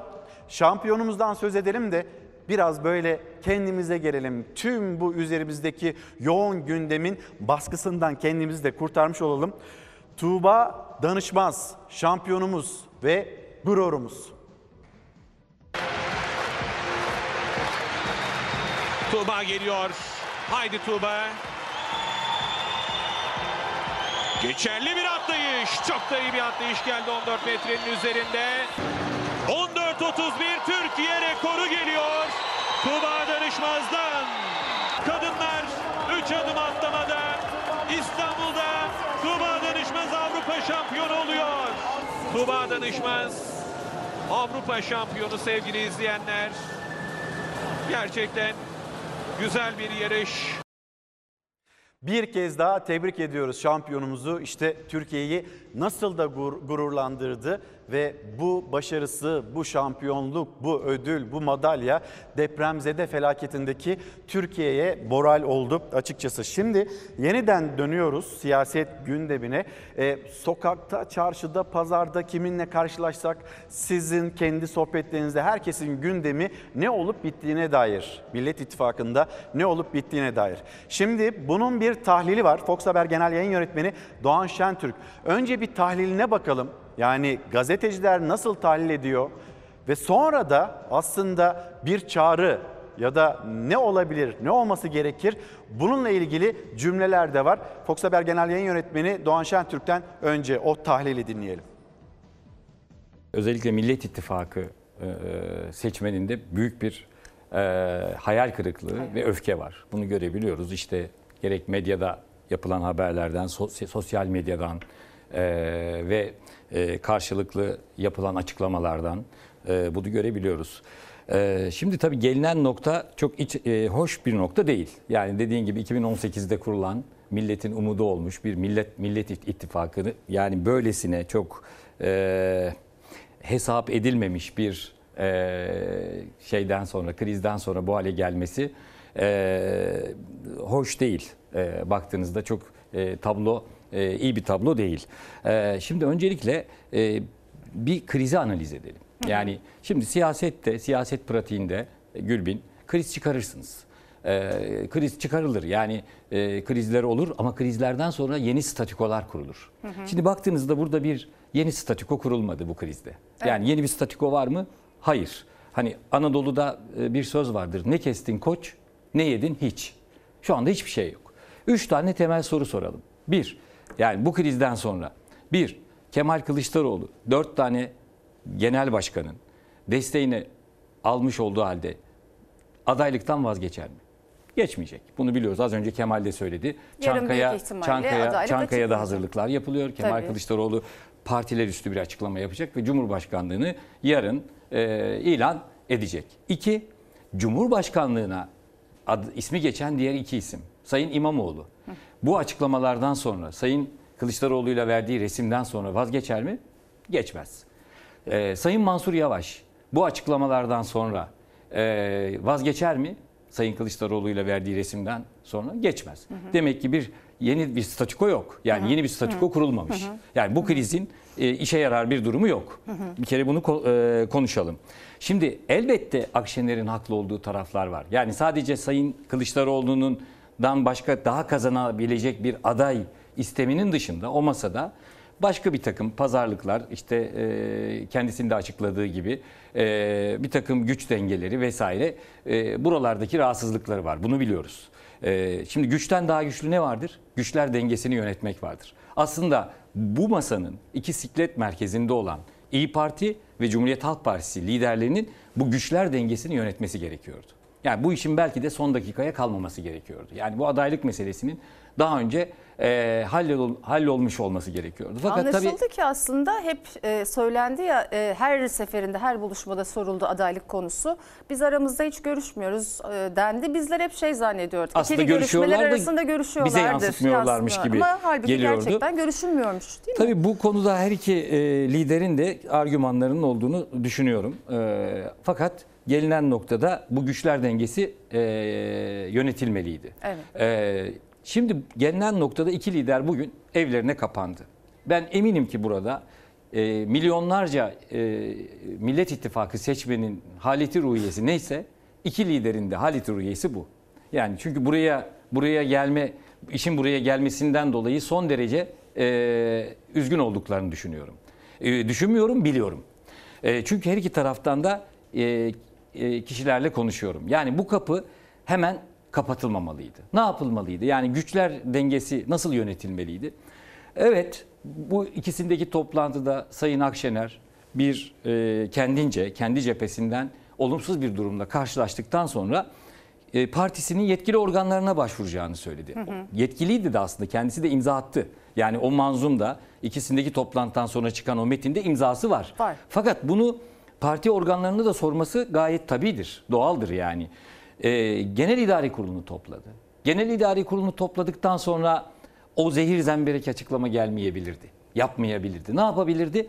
Ondan sonra il başkanları toplantısı vardı biliyorsun Hı hı. Cuma günü. Hı hı. E, il başkanları toplantısına girebilirdi. Cumartesi günü partisinin e, grup milletvekilleriyle yapacağı toplantı vardı. Ona bakabilirdi. Genel İdari Kurulu, e, il başkanları toplantısı ve de e, milletvekilleriyle yaptığı toplantıdan sonra pazartesi ortaya çıkacak e, görüşten e, sonra gidip yani yarınki toplantıya, Millet İttifakı'nın yarın yapacağı toplantıya Hı hı. katılıp orada bu partisinin genel idari kurulundan çıkan sonucu, il başkanlarından çıkan sonucu ve milletvekillerinden çıkan sonucu masaya yatırıp orada bir tavır gösterebilirdi. Tabii 2 Mart'tan 5 Mart'a geldik. Tabii. Yani uzun bir süre. Uzun bir süre. Şimdi baktığında eee, o genel idari kurulundan sonra yapılan açıklama üslup açısından çok sert. Bunu kabul edelim. Zaten İyi Parti'den gelen kendi İyi Partililerle konuştuğumda kurmaylardan gelen eleştiri de bu yönde. Yani genel idare kurulundan sonra yapılan konuşmanın eee, çok da eee, parti kurmaylarının işe vakıf olduklarını görmedim konuştuğum insanlarla. Hı hı. Fakat çok üzgünler. Neden üzgünler? İş buraya geldiği için. Hı hı. Yani e, bir ilmek gibi dokudular Sayın Akşener'le Sayın Kemal Kılıçdaroğlu ve diğer liderler. Hep beraber buraya gelindi. Hala bir pay var. Nereden anlıyoruz payı? E, bakın Cuma günü e, beşli masa toplandı. Altı, altılı Evet. masa değil, beşli masa toplandı. Evet. Refah e, Saadet Partisi Genel Başkanı Temel Hı hı. Karamollaoğlu'nun ev sahipliğinde. Dikkat edersen orada da Cumhurbaşkanı adayı çıkmadı. Yani bizim Cumhurbaşkanı adayımız Kemal Kılıçdaroğlu diye açıklama yapılmadı. Ha yapılmayacak mı? Yapılacak. Yine de bir pay bırakıldı. Yani belki bir diyalog kapısı açılır, Tabii. üzerinde görüşülür vesaire. Turan Çömez bugün bir açıklama yaptı. Hı hı. Bizim Cumhur İttifakı'na kapılarımız kapalıdır. Biz Cumhur İttifakı ile çünkü sosyal medyada e, e, çıkan haberler, bir takım dedikodular acaba Meral Akşener Cumhur İttifakı'na doğru mu gidiyor? Onun da kapısını kapadı. Bu da bir pay. Bu da hala aslında İyi Parti'nin e, Durduğu durduğu yeri. noktanın hala şeye doğru, altılı masaya doğru olduğunu söylüyor. Artı başka açıklamalar da var. Diyor ki evet biz Kemal Kılıçdaroğlu'nun e, adaylığına karşı bir e, şerh koyduk ama biz e, kongrezyumda yapılan hükümetin yol haritasında kararlaştırdığımız pek çok şeyin altında imzamız var.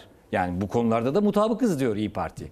Yani bunu ortak da mutabakat tabii metni ortak var. mutabakat tabii, metni beraber çalıştığı, beraber bir yıl aşkın süredir çalıştığı ve her liderin de imzasını attığı bir metin. Aa, Altı lider bunda bir konsensus sağlamış. Bu altı liderin içerisinde de Sayın Meral Akşener de var.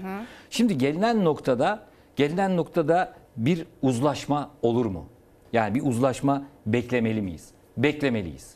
Çünkü e, insanların umudu var. Bakın e, çok önemli bir e, de, e, depremde, büyük bir depremde milyonlarca vatandaşımız etkilendi. Binlerce vatandaşımız hayatını kaybetti. Onlara buradan bir kez daha Allah'tan rahmet, yaralılara şifa diliyoruz ve ailelerine de sabır diliyoruz. Fakat e, bir de milletin umudu enkaz altında kaldı bu son siyasi depremle. Ve iki gün geçti bu e, umudun enkaz altındaki umudun üzerinden. E, biz bu depremin bize öğrettiği pratik neydi? 72 saatte kurtarmak gerekiyor. İki lidere düşen bu enkaz altında kalan milyonlarca insanın umudunu enkazdan bir an önce kurtarmalılar. 72 Ve 72 saat. saatte olmak üzere. Hı hı. Ee, burada ödün vermek olarak algılanmamalı. Eğer söz konusu vatansa gerisi teferruattır. Bunu neden söylüyorum? Yorum hakkımı kullanarak söylüyorum. Biz tarafsız habercilik yapan bir haber merkeziyiz. Ben tarafsız bir gazeteciyim. Benim bütün liderlere, Sayın Akşener'e de, Sayın Kılıçdaroğlu'na da, diğer altılı masanın liderlerine de, Sayın Cumhurbaşkanı'na da, Sayın Devlet Bahçeli'ye de bir gazeteci mesafesindeyim. Bunu bilen bilir, herkes bilir. Fakat yorum hak- hakkımı kullandığımda bir yurttaş olarak Cumhuriyetin değerlerini, Cumhuriyetin kazanımlarına, özgürlüklere, parlamenter rejime inanan bir yurttaş olarak bunu ben de istiyorum. Tekrar bu diyalog kapısının e, açılmasını istiyorum. Eminim şu anda Sayın Akşener'de, Sayın Kılıçdaroğlu da çok üzgünler. Efendim bir kez daha günaydın ve bir kez daha hayırlı kandiller dileyelim. Şimdi kamuoyu araştırmacısı ve yazar Bekir Ağırdır her pazartesi biliyorsunuz seçime doğru ilerlerken kendisiyle buluşuyoruz ve yeniden Bekir Ağırdır'a soracağız. Ne oluyor, ne bitiyor? Bundan sonra süreç acaba nasıl işler?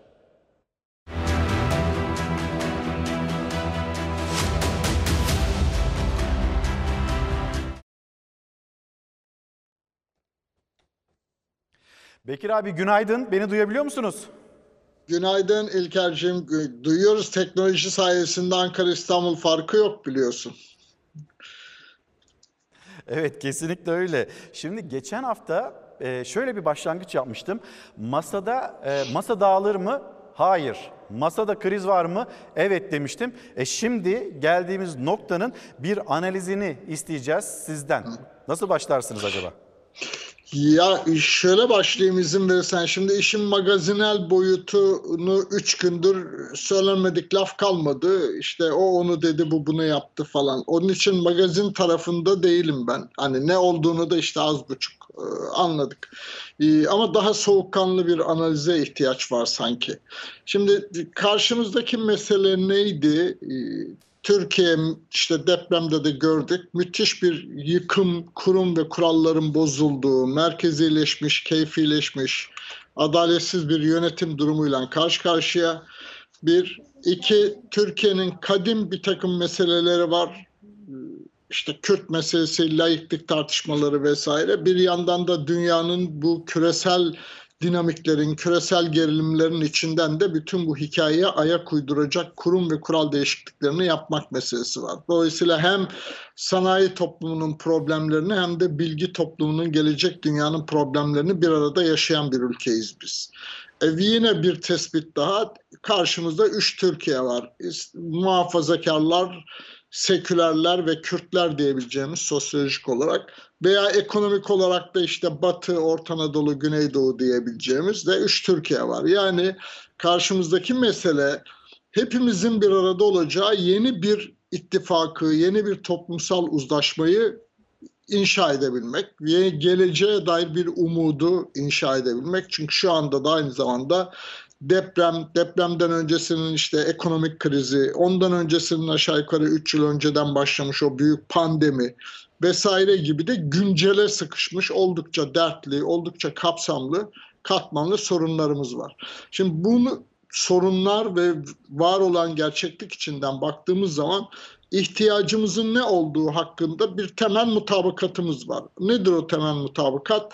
Bütün bu hikayeyi siyaset marifetiyle kurabileceğimiz ya da ülkenin bu sorunlarını her şeyi bilen tek kişinin tercihleriyle, her şeyi bilen tek bir kimliğin iyi doğru güzelleriyle yapamayacağımızı anladık herhalde değil mi? Yani e, daha önce başka bir e, değerler seti üzerinden bir Türkiye tasarlanmıştı. Şimdi bu iktidar tarafından başka bir değerler seti tarafından bir Türkiye tanımlanıyor. Ama hiçbirinin de sürdürülebilir olmadığını, hepimizin içinde var olabileceğimiz, var hissedebileceğimiz bir Türkiye hayalimiz. Ve bunu da siyaset marifetiyle ve toplumsal uzlaşmayla inşa edebiliriz. Şimdi bu bakış noktasından, bu yola çıkış noktasından, perspektiften baktığım için ben karşımızda üç ayrı katmanda mesele vardı siyasi aktörlere geldiğimiz zaman. Neydi o?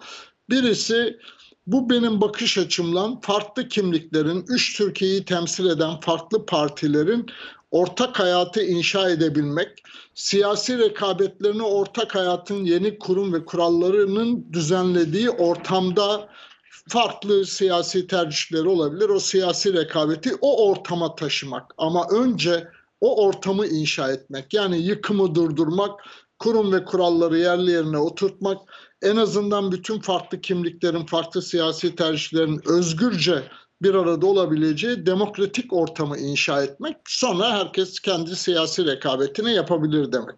Bir katmanı buydu meselenin ve buradan bakınca da bu ittifak lar ya da e, anlamlı görünüyordu. Nedir anlamlı olan? İşte Saadet Partisi gibi daha muhafazkarların partisi, Deva Gelecek gibi e, AK Parti'ye de oy vermiş olan ama yine esas itibariyle muhafazakarlara ama birisi biraz daha kentli muhafazakarlara yaslanan partiler. Bir tarafta sekülerlerin partisi olarak CHP, yine bir tarafta sekülerlerin metropollü dünyanın ama daha gelenekselci, milliyetçi değerlere yaslanan İyi Parti gibi partilerin bu ortak hayatı kurmak için bir araya geldik diyebilmeleriydi.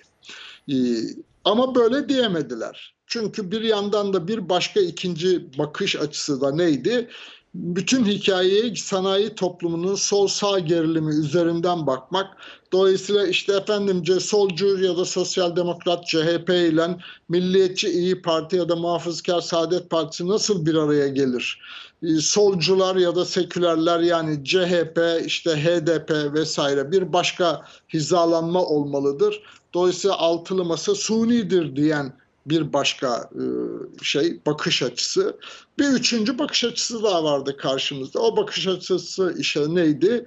Efendim bütün ülke Tayyip Erdoğan'ın iktidarının devam etmesi ya da etmemesi gibi bir eksende kutuplaştı.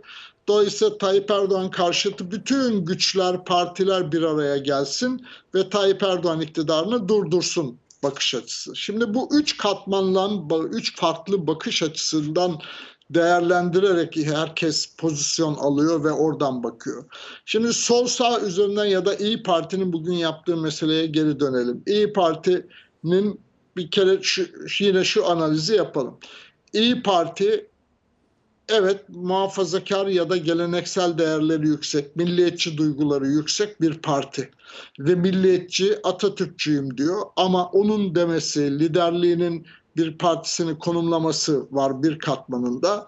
Bir katmanında ise örgütsel dokusu var. Yani il, ilçe başkanları, yönetim kurulu üyeleri, milletvekilleri vesaire. O örgütsel doku iki parça, tek parça monolitik bir iyi Parti yok karşımızda. Ee, o iki parça nedir? Birincisi yine MHP'den ayrılarak oluşmuş ve hızlıca örgütlenmiş bir parti olarak doğal olarak birbirlerini tanıyan ülkücü gelenekten gelen e, insanlar var örgütlerde ağırlıklı olarak. Bir de daha sonra İyi Parti'ye eklemlenen, belki CHP'yi yetersiz bulduğu için İyi Parti'ye de eklemlenen, metropollü, dünyayı açık, küresel yurttaş olmuş, aydınlık yüzlü de bir başka kesim var. İşte akademisyenler, e, küresel şirketlerde yöneticilik yapmış insanlar vesaire gibi. Bir de üçüncü katmanda İyi Parti'ye oy veren veya şimdi oy vermeyi düşünen sosyolojik tabanı var. O sosyolojik tabanda bir parça örgütsel dokuda olduğu gibi iki parça diyebiliriz ama burada daha çok metropollü olan seçmen ağırlıklı. Yani seküler dünya ile iç içe hatta artık kendisi de sekülerleşmiş, dünyevileşmiş ama milliyetçi duyguları daha ağır basan 3'te 2'ye 3'te 1 diyebiliriz. Yani örgütünde tersine 3'te 2 daha ülkücüler, milliyetçiler varken seçmen tabanında 3'te 2'si daha milliyetçi olmakla beraber metropollerde yaşayan seküler ve dünyevi alışkanlıkları, pratikleri içselleştirmiş dünyaya başka bir yerden bakan bir başka bir sosyolojik taban. Şimdi dolayısıyla bugün bu karar dahil ol, altılı masaya dahil olarak da altılı masanın dışına çıkarak da zaten örgütsel dokusu ve liderlik ile sosyolojik tabanı arasındaki bu uyum meselesi İyi Parti'nin önünde temel bir problemdi zaten. Ve sanıyorum bu nedenle uzun bir süreden beri İyi Parti seçim döneminde olduğumuz halde bile son bir yıldır parti içi kongrelerini yapmaya çalışıyor ve bu tercihi alırken bile ya da daha önceleri işte Koray Aydın gibi, Cihan Paçacı gibi daha ülkücü gelenekten gelen abilerin görevlerinden ayrılmış olmaları falan biraz da o sosyolojik tabana yakınlaşma arzusuydu her şeyden önce. E bir yandan da daha tabii hani bir de önlerinde bir fırsat alanı vardı. Eğer seküler dünyanın içinde CHP değişemiyorsa ya da kapsayıcılığını, ideolojisini yenileyemiyor, daha geniş alanlara dönemiyorsa o zaman hani burada kendilerine daha bir önemli fırsat alanı görüyorlardı. Nitekim Meral Akşener'in de ben başbakanlığa talibim cümlesi aynı zamanda seçimden sonra ve seçime anında en azından ana muhalefet partisi olmayacak kadar neredeyse yüksek oyu hedeflemek ve CHP'nin de bu zaafını kullanmak idi. Şimdi dolayısıyla bugün bugün karşımızdaki durum ne? Şimdi üç gündür tepkilere bakıyorum ben. Evet bir kısmı o hani Tayyip Erdoğan karşıtlığı ve yandaşlığından bakan kesimde ve ittifakı bu açıdan bakarak gerekli gören kesimde müthiş bir hayal kırıklığı ve şok var. Çünkü bu dağılış acaba İyi Parti öbür tarafa geçer mi geçmez mi vesaire gibi de bir sürü paranoyayı, vehmi ya da dedikoduyu da besliyor bir yandan. E, sol sağ ekseninden bakan kesimde ise belki bir miktar rahatlama var. Hani bir miktar şok da olsa da beklenmeyen bir hareket olduğu için bir miktar rahatlama var. Çünkü İyi Parti'nin ambargosu nedeniyle HDP masaya yaklaşamıyordu ya da HDP ve arkasındaki diğer sol partiler tip falan da dahil. E şimdi böyle bir CHP ve HDP dahil yeni bir ittifak imkanı doğar ve gerçek e, hikaye burada oluşur deme hali ve onun rahatlama hali var. Ama demokrasi üzerinden bakan benim gibi insanlar için ise bu dehşet bir kayıp. Çünkü şu gerçeği kabul etmemiz lazım sevgili İlker. Bir, Türkiye top, büyük bir toplumsal uzlaşmayı siyaset marifetiyle inşa ederek yeni hayatı, yeni kurum kuralları, yeni anayasayı yapamadan sadece sol ya da sadece Tayyip Erdoğan bakışı, sadece dindarlar ya da sadece laikler bakışı ile ya da sadece Türkler bakışı ile Kürtlerin olmadığı bir yeni Türkiye mümkün değildir. Dolayısıyla yeni Türkiye'yi Kürtler de, muhafazakarlar da, milliyetçiler de, sekülerler de, solcular da, sağcıların da içinde onurlarıyla alınları dik, kendileri gibi yaşayabilecekleri bir yeni Türkiye inşa etmeden biz bu dertlerden çıkamayacağımız gerçeğini görmemiz lazım. Ama elbette evet öncelikli anlık, aylık, günlük mesele bu iktidarın değiştirilmesi ya da durdurulması. Çünkü bu iktidar kendisi aynı zamanda bu problemlerin de yaratıcısı, tetikleyicisi haline dönüşmüş durumda. Bu nedenle. Şimdi buradan baktığımız zaman ne olacak peki? Çok muhtemel ki yani evet öfkeyle bir şeyler oldu ama artık geri dönüş şansı olmayacak bir üslupla tarzdan da bu olduğuna göre e, birkaç analiz yapmak mümkün. Birincisi İyi Parti ayrıldı diye İyi Parti'ye oy vereceğini düşünen insanlar kategorik olarak hep beraber bu masadan kalkmış değil. Aksine biraz önceki analizime dayanarak üçte ikisi neredeyse Tayyip Erdoğan karşıtı bir pozisyonda durmaya devam edecek. Dolayısıyla bunun olası sonuçlarından birisi İyi Parti'nin beklediği oy oranını ya da hedeflediği yüzde yirmilere falan ulaşmayı değil, muhtemelen yarıya yakına geriye düşmeyi veya belki de hani barajı geçtik mi geçemedik mi gibi bir tereddütü bile doğurabilir birincisi. Onun için İyi Parti Baraj bu kararıyla kendi öyle misin analizinize göre? E, bir- eğer bundan sonraki gelişmelere bağlı ama artık öyle yüzde on beşlerin yirmilerin yani iktidar karşıtı pozisyondan çıkmış her ne kadar biz o pozisyonda devam ediyoruz diye dün akşam İyi Parti sözcülerinin şeyleri var, e, tweetleri var, açıklamaları var falan ama e, sonuç olarak liderliğinin e, bu hengamede yani Tayyip Erdoğan yandaşlığı karşıtlığı ya da bu iktidarı durduralım hamlesinde nötr bir yerde duruyor olması bile İyi Parti'nin aleyhinedir. E bunca cümleyi kurduktan sonra da herhalde İyi Parti'den şunu beklemek çok gerçekçi değil. Yani ben aday çıkarmıyorum. e, Kemal Kılıçdaroğlu'na ya da altı beşli masanın adayına oy vereceğim demelerini beklemek de gerçekçi değil. Kendi siyasetlerini, varoluşlarını inkar etmek olur. Dolayısıyla çok muhtemel ki bir biçimde aday çıkaracak. O aday çıkardığı zaman o aday ve parti şu anda anketlerde görünen 15'leri 16'ları ya da hedeflenen %20'leri yakalama ihtimali yoktur bana soruyorsan. Belki de onlar mertebesine O ya da kim olacak ciddi Bekir bir Ardır? Valla doğal olanı Meral Hanım'ın olmasıdır ama ıı, sosyal medyaya düşen dedikodulara göre başka isimler de konuşuluyor herhalde ama her halükarda artık bu hani bu atışı yaptıktan sonra geri dönüş de çok fazla mümkün değil. Geri dönüş için ancak ikinci turu hedeflemek e, mümkün olabilir ve ikinci turdaki pozisyonlarına bakmak e, gerekebilir. Dolayısıyla yine analize devam edelim. Eğer böyle ol, bu durum neye yarar?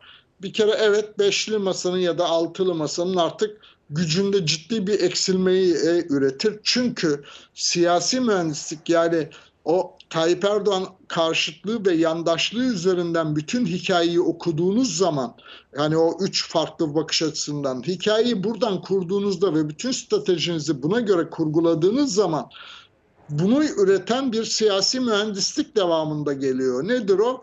Efendim işte CHP'nin oyu 25, İyi Parti'nin oyu 15 artı, öbürünün oyu 8 artı diye hesaplar yapıyorsunuz.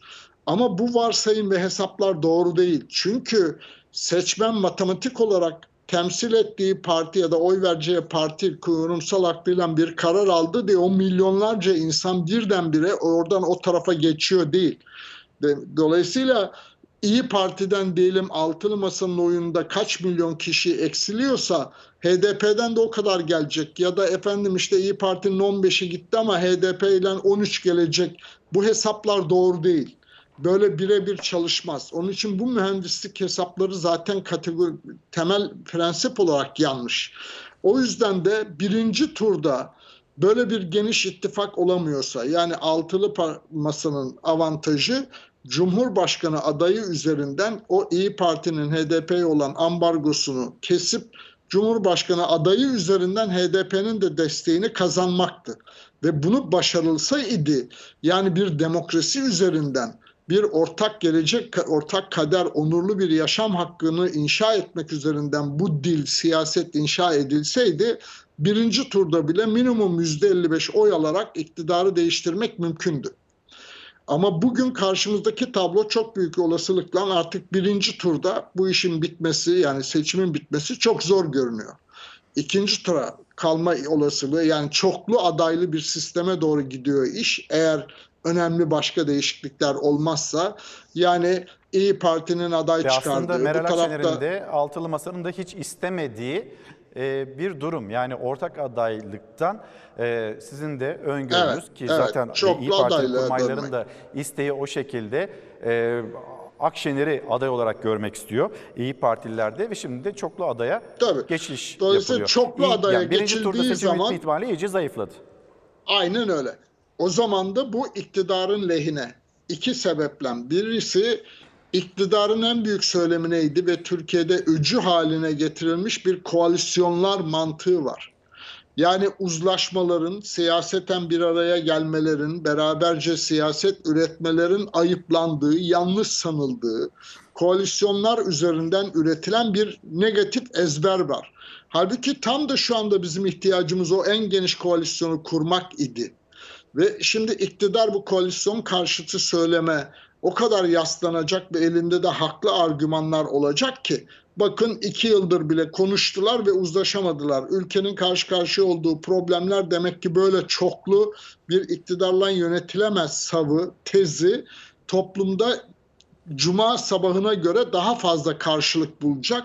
Çünkü haklı bir zemine dayanıyor olacak. Yani iki yıldır toplanmışlar. 2500 maddelik mutabakat politikalar metni yayınlanmış. Anayasaya dair temel ilkeler de yayınlanmış. Güç e, parlamenter sisteme geçiş için somut öneri metinleri yayınlanmış ve bütün bunlara imza koymuş 6 lider iş belli bir kritik noktaya geldiğinde bile anlaşamıyor. Üstelik anlaşamadığı gibi birbirlerine de hakaretamiz cümlelerle kavga çıkıyor meselesi iktidarın elini rahatlatacağı ve önümüzdeki 70 gün boyunca her gün 8 saat dinleyeceğimiz bir hikayenin zemini bir kere. Ve bunun da toplumda bir miktar elbette alıcısı var. Ee, Onun için iktidarı rahatlattı bu durum her şeyden önce ve iktidar ikinci zaten baştan itibaren iktidarın amacı oyunu yani seçimi ikinci tura taşıyabilmekti. Çünkü ikinci tura geçildiği zaman hala iktidarın muhalefetten fazla bir şansı var. Nedir o? Burada herkesin ıskaladığı henüz 3 gündür işin çok magazinel boyutuna e, odaklandığımız için ıskaladığımız önemli bir başka gerçeklik var sevgili İlker. Toplumun zaten siyaset Nedir? marifetiyle bu işleri çözeriz umudu son derece zayıf. Toplumun zaten siyasete güveni son derece zayıf. Toplum deprem nedeniyle, ekonomik kriz nedeniyle kendisini son derece çaresiz hissediyor, öfkeli ve kızgın. Ve özellikle de 30 yaş altı 20 milyon seçmen bu siyasi aktörlere ve partilere üçte ikisi neredeyse güvenmiyor. Dolayısıyla bu karşımızdaki tablo şu riski barındırıyor. Seçime katılma oranı düşebilir, zayıflayabilir. Bakın Brexit örneği var İngiltere'de. Seçime katılma %50'lere Evet. düştü ve %26 insan toplamın içinde ama seçime katılanların içinde %51-52'si hayır dedi Avrupa Birliği'nden çıkalım dedi diye İngilizler şimdi hala çözemedikleri bir kaosun içindeler. Ya da Fransa'da seçime katılma oranı %52'lere düştü. Le Pen iktidar ortağı olacak güce geldi. İtalya'da seçime katılma %60'lara düştü. Faşist Meloni şu anda iktidar. Macaristan'da seçime katılma düştü. Urban kaybediyor denilen Urban ikinci turda kazandı. Brezilya'da bile o faşist otoriter keyfi lider 30'larda sanılırken anketlerdeki oyun neredeyse seçimi kazanacak kadar %48'lere kadar oyunu yükseltti. Ancak ucu ucuna kazanabildi muhalefet. Dolayısıyla seçime katılma oranı bu umutsuzluk hali yayılırsa ve beşli masa altılı masa her neyse muhalefet topluma bu güveni gençlere özellikle bu umudu veremez ise seçime katılma oranı düşer ve seçime katılma oranı düştüğü oranda da bu iktidar lehine olur. Dolayısıyla işin evet siyasi mühendisliklerini herkes böyle bir yerlerden bir sürü hesap yapıyor da ama toplumda bunun ürettiği duygu hali, çaresizlik hali, siyasete olan öfke hali çok önemli bence ve şu anda geri kalanların ve İyi Parti'nin de meselesi yeniden önce siyasete ve kendi aralarındaki bir duruşa ya da kendi siyasetlerine, partilerine güveni inşa etmek. Hepimizin meselesi şu anda Türkiye'nin kaos ve karmaşa olmadan böyle bir iktidar değişikliğini başarabileceğine dair umudu inşa etmek. Dolayısıyla o, o onu onu mu dedi, bu bunu mu dedi? Evet yani baktığınız zaman İyi Parti işte demin de söylediğim gibi yarıya yakın oy kaybederek bir bakıma kendi hayatını masaya sürmüş oldu. Ama bir yandan da CHP bu masaya veya muhalefete önderlik eden CHP ve diğerleri de bu inatlaşmayı işi bir, bir iki yıldır bir demokrasi söylemine çeviremedikleri için iki yıldır aday meselesini çözemedikleri için onlar da ülkenin geleceğini masaya sürmüş oldular. Onun için biraz daha soğukkanlı bir yerden başka e, şeye analizlere ve başka yapılacaklar listesine ihtiyaç var. Dolayısıyla giden gider kalan sağlar bizimdir yola devam ediyoruz demek evet hani siyaseten böyle şehvetli cümleler kurmak kolaydır ama pratik sonucu var mıdır diye bakmak lazım. Şimdi o zaman e, bugünkü buluşmamızın net cümlesini de bir yandan almaya çalışayım. E, Kemal Kılıçdaroğlu adaylıktan vazgeçer mi? Hayır. Yani bütün bu gerilimi yaratan şey ilk günden beri CHP'nin ve Kemal Bey'in kendi adaylığı meselesinden bir adım sonraki stratejiyi geçememiş olması. Evet Kemal Bey'in bu arzusu var. Partinin hakkı da ayrıca. Bu konuda da çok da çaba gösterdi. Evet yani çok fazla açılım yaptı. Diğer partilerle olan ilişkilerde gerçekten çok fedakar davrandı vesaire. Ama Kemal Bey'in adaylığı meselesi Eylül ayında da bitmişti aslında o açıdan bakarsak. Ama bir bir liderlik olarak bu sürecin içinde bu meseleyi yönetememiş olmak, çözememiş olmak ve sadece inatlaşmayı ya da sabırla sadece beklemeyi e, siyasetin tek şeyi e, oyun planı gibi görürseniz yetmediği ortaya çıktı işte. Yani tabancayı masanın üstünde bırakıyorsunuz ve de kavgayı da sizin dediğiniz kabul edilene kadar da sürdürüyorsanız e, bir, bir gün bir an bir saatte bir dakikada o tabanca birinin elinde patlar. Yani dolayısıyla CHP ve Kemal Bey stratejide gerektirdiği adımları, değişiklikleri artık bu meseleyi hallediyoruz, şuraya dönüyoruz kısmını yönetemedi. Evet. Yönetemediği gibi sabırla da sadece kendi adaylığının onaylanmasını bekledi. Ee, Ama hayat bundan ibaret değil. O yüzden en baştaki analizi yapıyorum. Ülkenin ihtiyacı ne?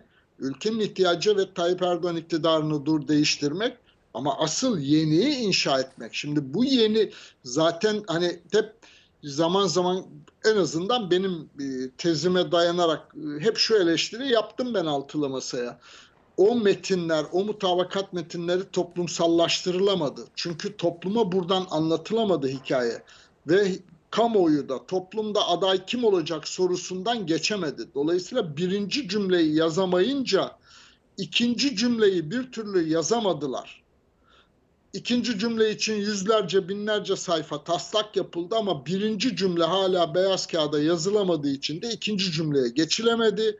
O zaman da toplumdaki o umut, coşku, heyecan oluşamadı bir türlü. Hala da şu anda da Evet. karşımızdaki Bekir problem Ardıç- yeniye Ha. dair bir umudun olmaması. Efendim çok teşekkür ederim. Ee, tekrar e, ne oluyor ne bitiyor siyasette derin e, bir şekilde analiz etmeye ihtiyacımız vardı. Siz de yardımcı oldunuz.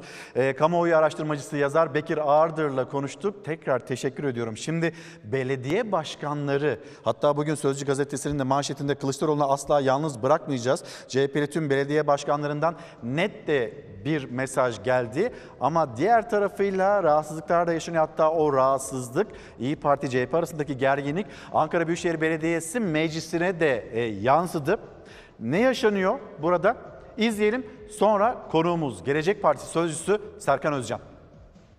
İyi Parti bir kıskaca alınmış, bir dayatmaya mecbur bırakılmış, tıpkı yıllardır Türk milletine yapıldığı gibi bir tercihe zorlanmıştır. Elbette buna boyun eğmeyecektir. İyi Parti lideri Meral Akşener'in altılı masadan ayrılmasıyla birlikte ortaya çıkan kriz yerel yönetimlerdeki ittifaka da yansıdı. Ankara Büyükşehir Belediye Meclisi'nde İyi Parti'nin grup kurabilmesi için CHP'den geçen 4 üye partilerine dönmek üzere istifa ettiler. 4 istifadan Yavaş'ın sonradan haber oldu. Mansur Yavaş cephesinde istifa rahatsızlığı, belediye meclisinde yönetimi zora sokan hamle tepkisiyle dile geldi. Hiç meraklanmayın bütün taşlar yerine oturacak. Sayın Mansur Yavaş'a ve Sayın Ekrem İmamoğlu'na bir çağrıda bulunmak istiyorum. Bugün de çok kritik bir kırılmanın eşinde sizi göreve çağırıyor. Akşener altılı masayı terk ederken Mansur Yavaş ve Ekrem İmamoğlu'na da aday olun çağrısı yaptı. Buna karşın Millet İttifakı'nın 10 Büyükşehir Belediye Başkanı Ankara'ya geldi. CHP Genel Merkezi'nde MYK toplantısı öncesinde Kılıçdaroğlu ile birlikte aile fotoğrafı verdi. Kılıçdaroğlu'nun sağında ve solunda Akşener'in adaylık çağrısı yaptığı Yavaş ve İmamoğlu vardı. Bir gece öncesinde birlikte yemek yiyen Yavaş ve İmamoğlu, Kılıçdaroğlu'nun elini rahatlatan Akşener'e de cevap niteliğindeki mesajlarını sosyal medya üzerinden verdiler. Bugüne kadar yaptığımız açıklamalarda Genel Başkanımız Sayın Kemal Kılıçdaroğlu'nun iradesi dışında hareket etmeyeceğimizi belirtmiştik. Aynı çizgideyiz. Yavaş ve İmamoğlu CHP ile İyi Parti arasında ara buluculuk için de harekete geçti. İki taraftan da olumlu yanıt aldılar. Başkanların Akşener'i ziyaret edecekleri bilgisi kulislerde konuşulurken CHP Genel Merkezi'nden bir açıklama geldi. İki büyükşehir belediye başkanımız bu görüşmede iradelerinin Sayın Genel Başkanımıza bağlı olduğunu, aday olarak da Sayın Kemal Kılıçdaroğlu'nu görmek istediklerini iletecekler. İyi Parti sözcüsü Kürşat Zorlu'nun Akşener'le iki başkanın randevusunu yok sayan cümleleri ise CHP'den yapılan açıklamaya tepkinin yansıması oldu. Şunun altını çizmek isterim ki ne bizim böyle bir talebimiz olmuştur ne de kıymetli belediye başkanlarının bizden bir talebi olmuştur. Aslında perde arkasındaki mekik diplomasisiyle organize edilen ziyaret de iptal oldu. İmamoğlu İstanbul'a dönerken belediyedeki istifalardan sonra Mansur Yavaş cephesinden bir tepki de CHP'nin açıklamasından sonra ortaya çıkan randevu kriziyle ilgili geldi. Başından beri açıklamalarımız ve duruşumuz net olmasına rağmen takınılan bu tavır güven sorununu ortaya koyuyor. Gitmeyin anlamına geliyor denilerek. Görüşmek üzere arkadaşlar. Sayın Akşener'le görüşmeniz olacak mı? Görüşmek üzere. Başkanların Ankara çıkarması, masayı birleştirme çabası, CHP İyi Parti altında yerel yönetimlere de sıçrayan ve meclis üyeliklerinden istifalara yol açan gerginlik. Taraflar arasında bir çözüm formülü bulunur mu bilinmez ama belediyelerdeki ittifaka uzanan krizin de derinleşebileceği konuşuluyor. Şimdi sürekli tartışma CHP İyi Parti arasında, kurmaylar arasında liderlerinin cümleler üzerinden devam ediyor ama masanın diğer paydaşları onlar ne düşünüyor? Gelecek Partisi sözcüsü Serkan Özcan şu anda Çalar Saat'te. Günaydın. Günaydın. Hoş geldiniz. Hoş bulduk. Kritik bir gün. Ee, zor da bir gün galiba. Ee, siz nasıl bir karar alacaksınız? Nasıl ilerleyecek süreç? Sizin seçimle ilgili düşünceleriniz, öngörüleriniz nedir? Nedir beşli masa? Bundan sonra neyi nasıl anlatacak? Seçmene hangi mesajları verecek? Ee, onları da konuşacağız da. Ne oldu? Buraya nasıl gelindi? Şimdi evvela tüm inananların, milletimizin kandilini tebrik ediyorum, kutluyorum. İkincisi, ben başta olmak üzere zannediyorum bugün siyaset yapan herkesin en büyük zorluklarından bir tanesi, siyasi gündemin çok ağır bir biçimde ülke gündemini kaplamış olması ve aslında bizim şu anda bambaşka şeyler konuşmamız gerektiği. Ülkemiz tarihin gördüğü en önemli, en büyük e, felaketlerden birini yaşadı. Şu soğuk, kapalı ortamlarda, şu soğuk havalarda biz bile üşürken e, on binlerce vatandaşımız, yüz binlerce vatandaşımız evlerinden, memleketlerinden ayrılmak zorunda kaldılar. Öncelikle şu anda bunu bunları konuşuyor olmaktan dolayı son derece büyük sıkıntı yaşadığımızı söylemek istiyorum İlker Bey. Ne oldu meselesi şu. En baştan bu yana hep birlikte omuz omuza yürüdüğümüz ve bir, bir hedefimiz olan bir yapı içerisindeyiz biz. Bir senedir, Evet. son bir senedir. Sık sık da geldim burada sizinle de konuştum, başka programlarda da konuştuk. Temel bir hedefimiz var. Türkiye'de oto- otoriter yolsuzluk sistemi, sistemik bir yolsuzluk sistemi olduğunu düşünüyoruz. Türkiye'de tek adamın iki dudağı arasına sıkışmış bir siyaset anlayışının Türkiye'yi nasıl bir yönetim krizine soktuğunu görüyoruz. Bundan vazgeçmek için, daha doğrusu bundan ülkeyi kurtarabilmek için bütün fedakarlıkları yaparak, ben dün de söyledim, kimse yanlış anlamasın ama hayatımızdan vazgeçerek hepimiz bir yola çıktık. Ve bu yolun sonunda yine o yol üzerinde defalarca sizinle konuştuk. Hepimizin katkılarıyla, İyi Partili arkadaşlarımızın da, diğer partideki arkadaşlarımızın da katkısıyla çok güzel metinler ve mutabakatlar ortaya getirdik. Ben en başından beri, burada sizler de şahitsiniz, dinleyenler de milletimiz de şahit, en başından beri bu meselenin tek bir kişi meselesi olarak değerlendirilmesinin son derece mahsurlu olduğunu defalarca söyledim. Ve aslında bunu yaparak yani meselenin göbeğine kişiyi koymak yerine sistemi koyarak doğru da bir iş yaptığımızı düşünüyorum. Ama- Altılı masa olarak. Ama Bunu gene- başaramadığınızı görüyoruz. Yani gelinen siz noktada maalesef aday evet. sembolik olacak. Önemli olan ilkeler, önemli olan varmak istenilen hedef, önemli olan ortak e, Evet. mutabakat Sembolikten derken ziyade bir takım kaptanı olacak. bir takım bir kaptanı takımız olacak. biz dedik. Bir Evet. kadroyuz biz. Yani fikri olan... ama mesela adayda sıkıştı. Aynen öyle. Yani bu tabii son derece üzücü. Yani ben mesela şunu kendi kendime soruyorum. Bugün biraz sabah saatleri bir samimi içimi de dökmüş olayım. Yani sadece bir isim bizim günler, geceler boyu yaptığımız çalışmalardan çok daha önemli mi? Yani bu memlekette daha demokratik bir anayasa, insan onuruna yakışan bir hukuk sistemi, refah, kalkınma, yoksullukla mücadele, yolsuzlukla mücadele bunların hepsi bir ülkeyi, bir takımı kimin yöneteceğinden daha önemsiz konular mı? Yani biz bir sene boyunca yan yana, dip dibe, omuz omuza, kol kola çalışırken hedefimiz, muradımız bu Türkiye'yi bambaşka bir Türkiye'ye çevirmek değil miydi? Şu içimize içine girmiş olduğumuz kara, karanlık tünelden çıkarmak değil miydi? Yani bunların hiçbirisi önemli değil de sadece bir takımın, bakın tekrar ediyorum, bir takımın kaptanının kim olacağı önemli? İnanın bunu anlayamıyorum ben. Ve bunu çok samimi söylüyorum. Bu durumda İyi Parti'nin durduğu yeri de anlayamıyorsunuz. E şöyle yani ben bir, bir defa şunu söyleyeyim.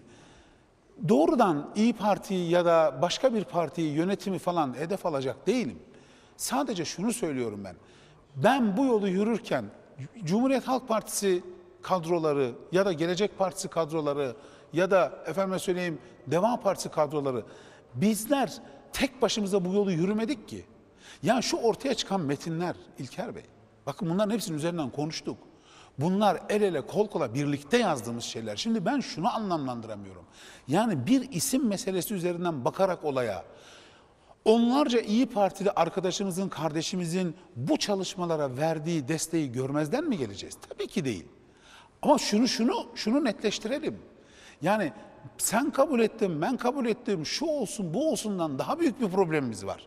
Ve bu millet bunu affetmez. Bu millet bu kadar önemli, ayrıntılı, detaylı çalışmalar yapıldıktan sonra bu işin gelip bir isimde durmasını affetmez. Ve bunun hesabını hepimize keser. Ve ben bugün sadece İyi Parti'yi, sadece Cumhuriyet Halk Partisi'ni, sadece Gelecek Partisi'ni sorgulayan ve sorumlu tutan bir anlayış içerisinde olmanın da son derece yanlış olduğunu düşünüyorum. Ortada bir yanlış varsa veya bir sorun varsa bu hepimizin sorunu. Dün mesela Ankara günü e, İyi Parti'den de CHP'den de gelen sağduyu mesajlarıyla geçirdi Evet. aslında. Yani e, peki bu durumda hala masaya dönme ihtimalini siz nasıl değerlendiriyorsunuz? Çünkü bayağı ağır da ifadeler kullanıldı. Yalnız e, Sayın Akşener'in yani o anın duygusunun e, içinde söylemiş olduğum sözler de dedi metinle ilgili. Fakat diğer tarafıyla da bayağı ağır yani ciddi ithamlar da barındıran bir metin. Mümkün müdür tekrar bir Yani o metne, o metinde Sayın Akşener'in söylediklerine, o günkü ruh haline falan çok fazla takılmak doğru değil. Sayın Akşener kıymetli, saygın, tecrübeli bir siyasetçidir. Onun da elbette bu süreç içerisinde kendisini rahatsız eden meseleler olmuştur. Yani, Yani bizim şöyle bakıyor İyi Partiler. Bizim de endişelerimiz var. Tabii ki. Bizim endişelerimizin Tabii ki. giderilmesi bu Tabii kadar ki. zor muydu? Bu gündeme gelemez miydi diye bir e, durumu da ortaya İlker Bey koyuyorlar. bakın çok samimi söylüyorum. Memleket kurtulsun. Memleket adam akıllı yönetilsin. Şu karanlık tünelden ve cendereden çıksın. Orta yolun bulunması konusunda ben şahsi söylüyorum bunu. Orta yolun bulunmasını desteklerim ben. O yüzden de aslında sorunuzun ilk kısmına gelelim. Evet elbette bu kapı açıktır. Dün bir program vesilesiyle tabii çok sayıda programa arka arkaya çıktığımız için kendimizle ilgili söylenenleri de çok takip edemiyoruz ama ben bir programda ben çok isterim yeniden masaya dönmesini derken yeniden birlikte olmayı kastediyorum aslında ama Turan Bey katılmış benden sonra kıymetli İyi Parti e, Genel Başkan Başdanışmanı eski milletvekilimiz Turan Bey demiş ki yani biz olduğumuz yerdeyiz onlar dönsen ben onu kastetmemiştim. Kimin nereye döndüğüyle ilgilenmiyorum. Kimin nerede olduğuyla da. Ben şunu söylüyorum. Biz bu yolu birlikte yürüdük. Bu yolda menzile, hedefe, amaçlarımıza da birlikte ulaşalım. Bu kapı açıktır. Bugün de açıktır. Şu anda da açıktır. Ve hepimiz inanın bu çabanın içerisindeyiz. Bugün aday açıklanacak. E, adaylık açıklamasından sonra da açık mıdır? Nasıl Ya şöyle, bir yol aday- yolculuk olacak? Tabii şimdi Ve mil- nasıl olacak? mi- Millet İttifakı'nın da bir tüzel kişiliği var artık. Şu anda bu altı partiden teşekkül eden bir e, organizasyon Millet İttifakı. Alınan kararlar, bunların duyurulması, toplumla paylaşılması sonucu, sonrası bazı kararların değiştirilmesi çok mümkün olmayabilir. Ama ben şunu söylüyorum İlker Bey. Bakın meseleye şu şuradan bakalım. Biz günün sonunda şu içine girdiğimiz cendereden bu memleketi kurtarmak istiyor muyuz? Kapalı kapı diye bir şey olmaz. Her an, her dakika ben biliyorum. Bakın ben Sayın Genel Başkanımızın dün gece hiç uyumadığını biliyorum. Dün Ben- gece irtibatlar oldu mu? e, birçok isimli oldu. İyi Parti'den. Yok hayır yani ben o, o detaylara girmeyeyim. Şu anda hiç uygun Ama değil bu oldu mu? ama. Detaya girmeyin ama oldu mu? Bütün bütün hepimizin tanıdığı, bildiği, eşi, dostu hepimiz birileriyle görüşüyoruz. Liderler kendi aralarında görüşüyorlar. Komisyondaki arkadaşlarınızla görüşüyorsunuzdur. E tabii ki yani birlikte bu yolu yürüdüğümüz, tanıdığımız, bildiğimiz, bize karşı saygılar olan, bizim çok sevdiğimiz, saydığımız insanlar var. Bu bunu ayrı görmüyoruz ve bu insanlarla bu diyalog var ve olmaya da devam edecek. Doğrusu da budur zaten. O yüzden dün akşam bir program vesilesiyle söyledim. Tekrar aynı şeyi söylüyorum İlker Bey. Hepimizin elimizden geldiği ölçüde bu birlikte yürünen yoldan vazgeçmeyecek mekanizmaları oluşturmak, mümkün olan her türlü yumuşama süreçlerini değerlendirmek gibi bir sorumluluğumuz var. Buradan- Bunu bunu genel başkanlar da yapmalı ve ben Sayın Genel Başkanımızın bu konudaki çabasına hani şahit olduğum için biliyorum. Diğer genel başkanlar da zannediyorum aynı durumdalar. Ama bizler de inanın elimizden geleni bütünüyle, tamamıyla bu sürecin inşallah bugün en azından bir şekilde bir çözüme kavuşturulması ve birlikte yürünen yolun e, birlikte yürümeye başladığımız yolu birlikte sonlandırmamız gerektiği konusunda mutabığız. Yani gece boyunca o arka kapı diplomasisi devam Evet, etti. evet, Bütün aynen partiler öyle. nezdinde. Aynen öyle. Peki bugün ne olacak? Bugün saat 14'te Evet. beşli masa toplanacak. Evet. 17'de hangi isim açıklanacak? Şimdi şöyle o konuyla ilgili de böyle e, milleti artık daha fazla sinirlerini bozan bir tarza girmek istemiyorum. Biz bugüne kadar siz de biliyorsunuz tek bir sefer bile ağzımıza bir ismi almama, bunu genel başkanlara bırakma. Çünkü bu saygının gereği de buydu. Ama son toplantıda hepimiz biliyoruz. Çünkü artık yani ben dün de biraz televizyonları izledim. Tartışma şu boyutta gidiyor yani. O sırada Sayın Genel Başkan devreye girdi. O ayağa kalktı. O ona doğru dönmüştü. Sonra geldi. Tekrar birisi söz aldı falan. Ya bu detayları bilmemize gerek yok. Bu detaylarda konuşmamıza gerek yok. En azından bizim gibi siyasetçilerin konuşmasına gerek yok. Medya bunu yapabilir. Medya bu talepte de bulunabilir. Çünkü vatandaşın talebidir. Bizim çok en basit haliyle şunu çok net bir biçimde vatandaşa söylememiz lazım.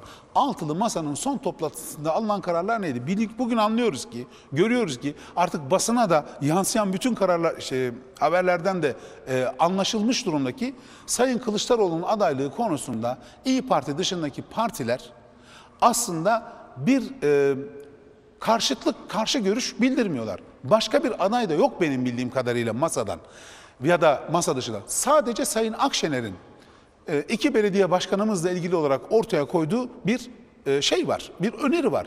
Bunun da Sayın Kılıçdaroğlu tarafından reddedildiğini biliyoruz. Yani bu durumda aslında Sayın Kılıçdaroğlu dışında başka bir aday masada yok.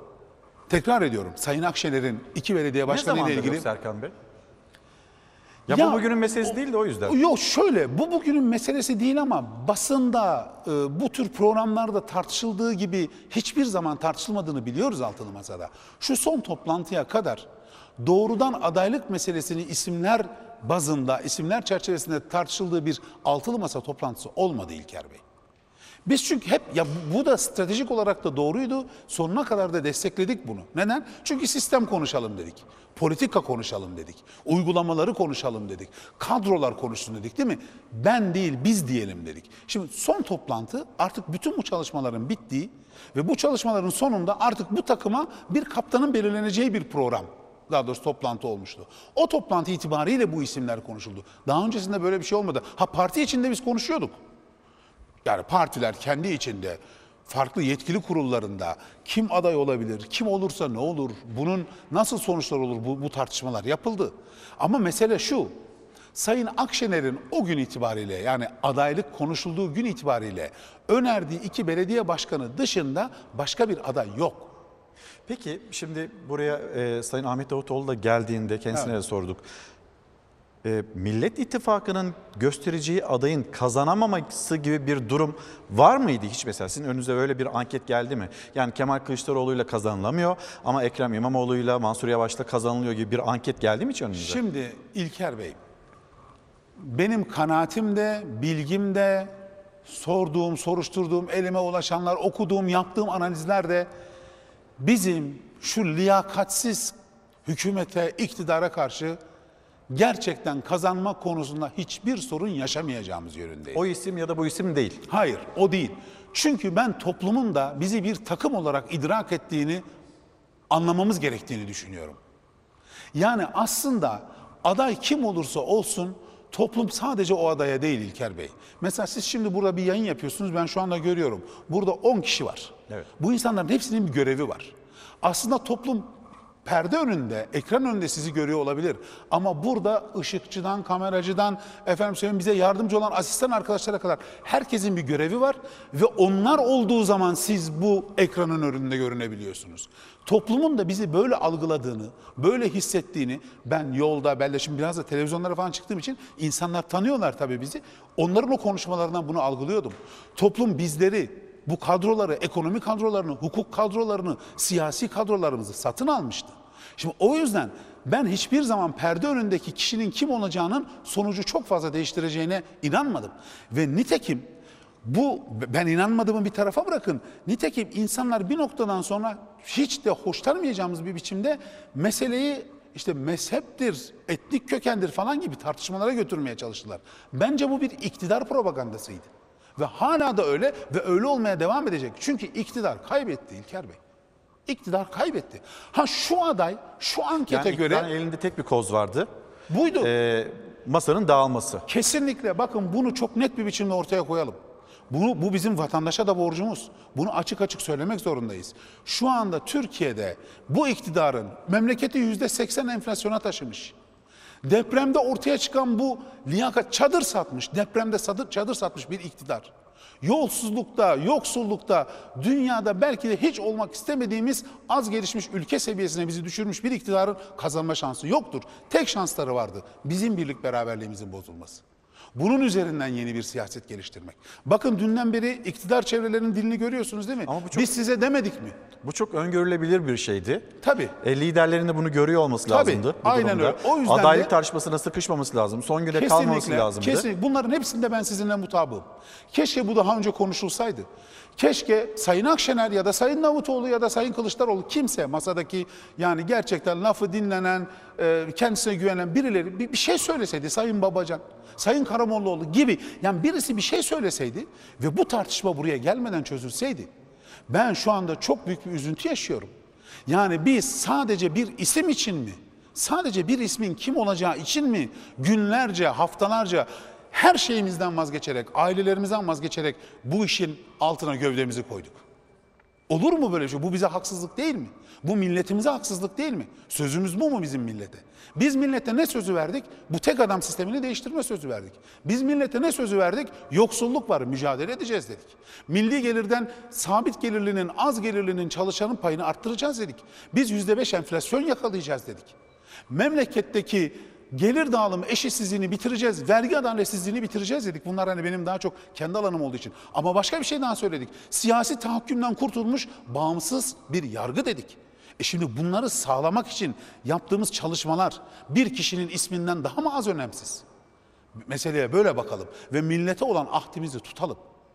Millete olan sözümüzü tutalım. O zaman çağrınız nedir? Bundan sonra ne olacak? Ne olması gerekiyor? Şimdi aslında güzel en güzel çağrıyı o gün e, açıklamalardan sonra yani ortalık biraz böyle karıştıktan sonra Sayın Genel Başkanımızla ben birlikteydim. Kendisi bir kendisi bizzat kendisi kaleme alarak çok itidalli, suhuletli, sakin bir açıklama yaptı.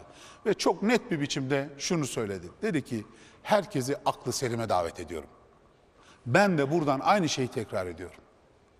Bizim meselemiz kişiler meselesi değil. Ben değil biz diyen bir ekip tek bir kişinin ismi üzerinden bir parçalanma yaşamamalıdır. Olmaz böyle bir şey. Ama oldu. Ha bunu ortadan kaldırmak işte liderlikte tam böyle bir zamanda ge- gerekli. Değil mi? Fırtınalı yolda gerekli. Düz yolda az çok direksiyon sallamasını bilen gidebilir.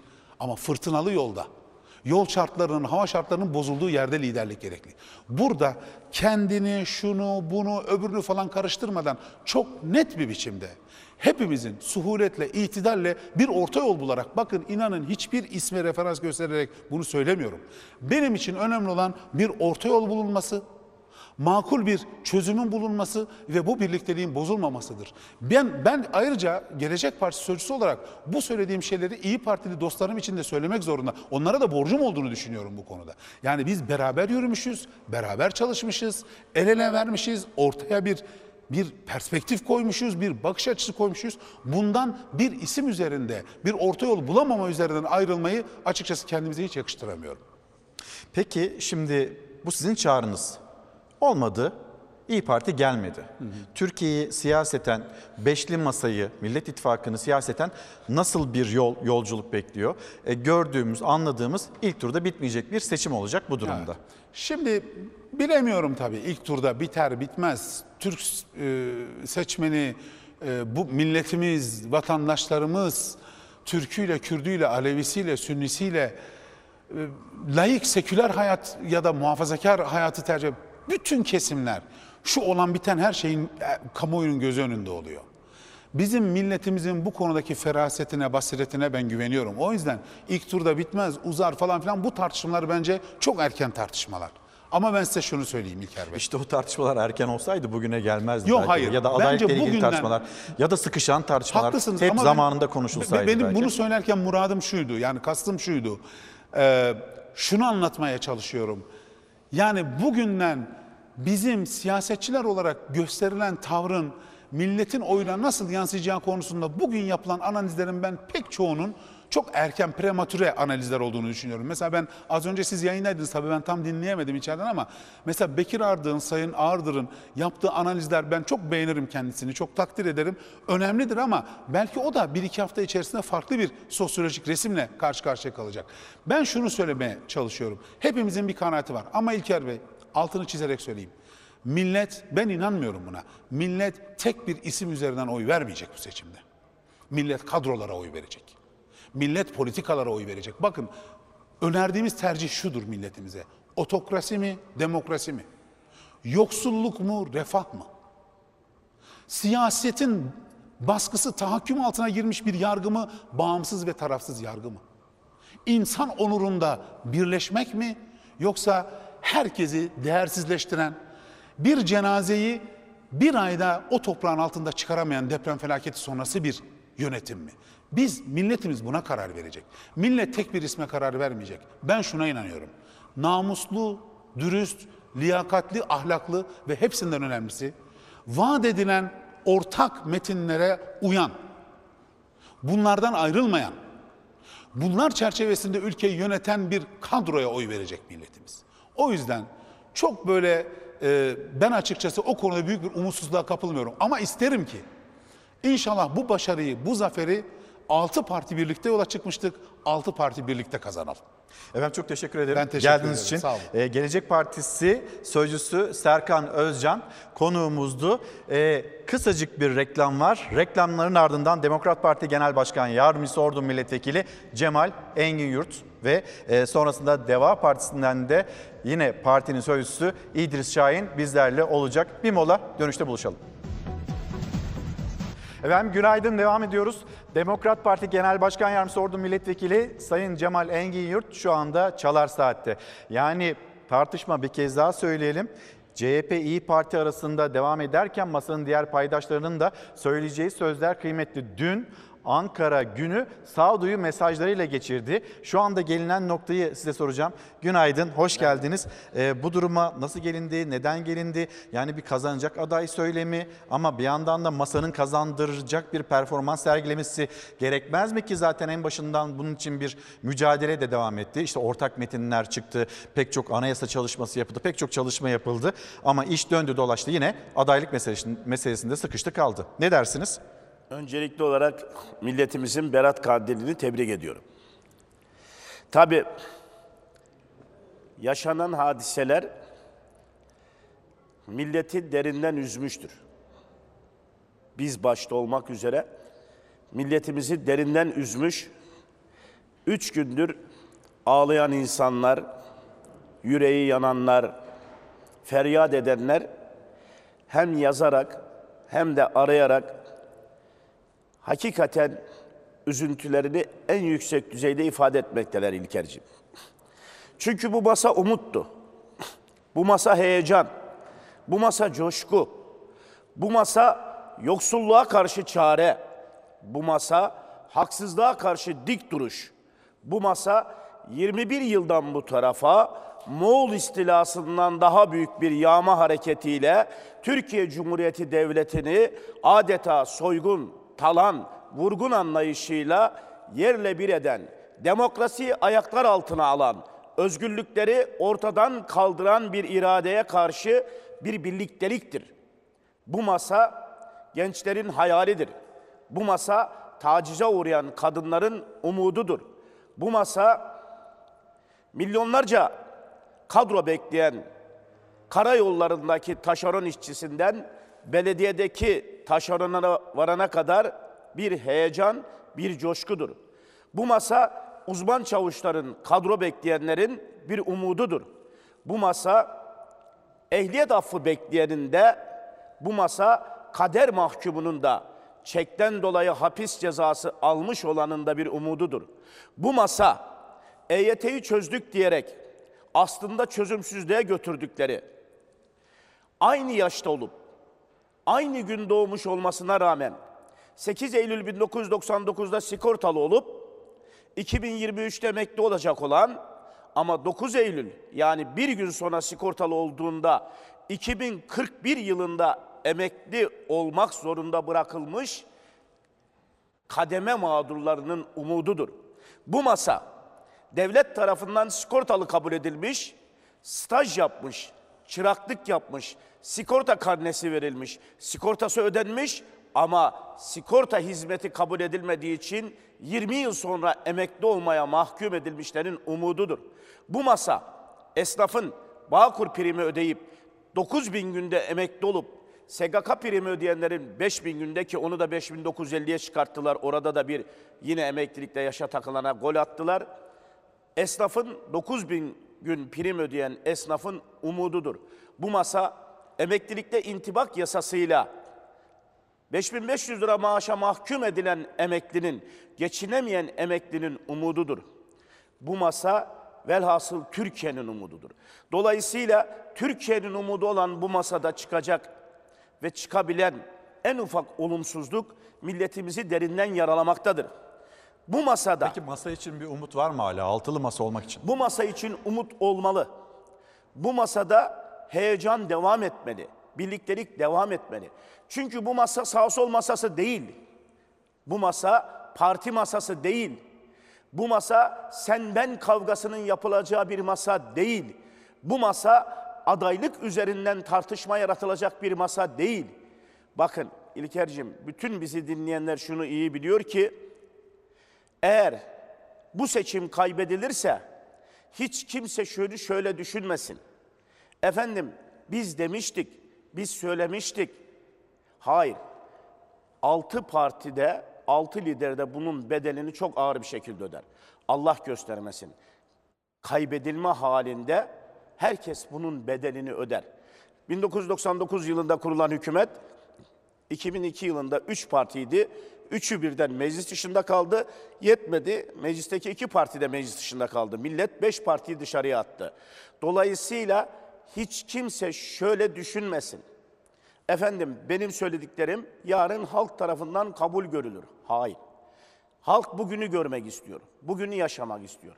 Ben bu masanın Demokrat Parti olarak Sayın Genel Başkanımız hakikaten başından bu tarafa mütevazi kişiliğiyle, nezaketiyle, zerafetiyle hep bu masada haddimizi bilerek, konumumuzu bilerek bu masanın asla bir zarar görmemesi adına, bu masaya halel gelmemek adına söylediğimiz her şeye dikkat ettik.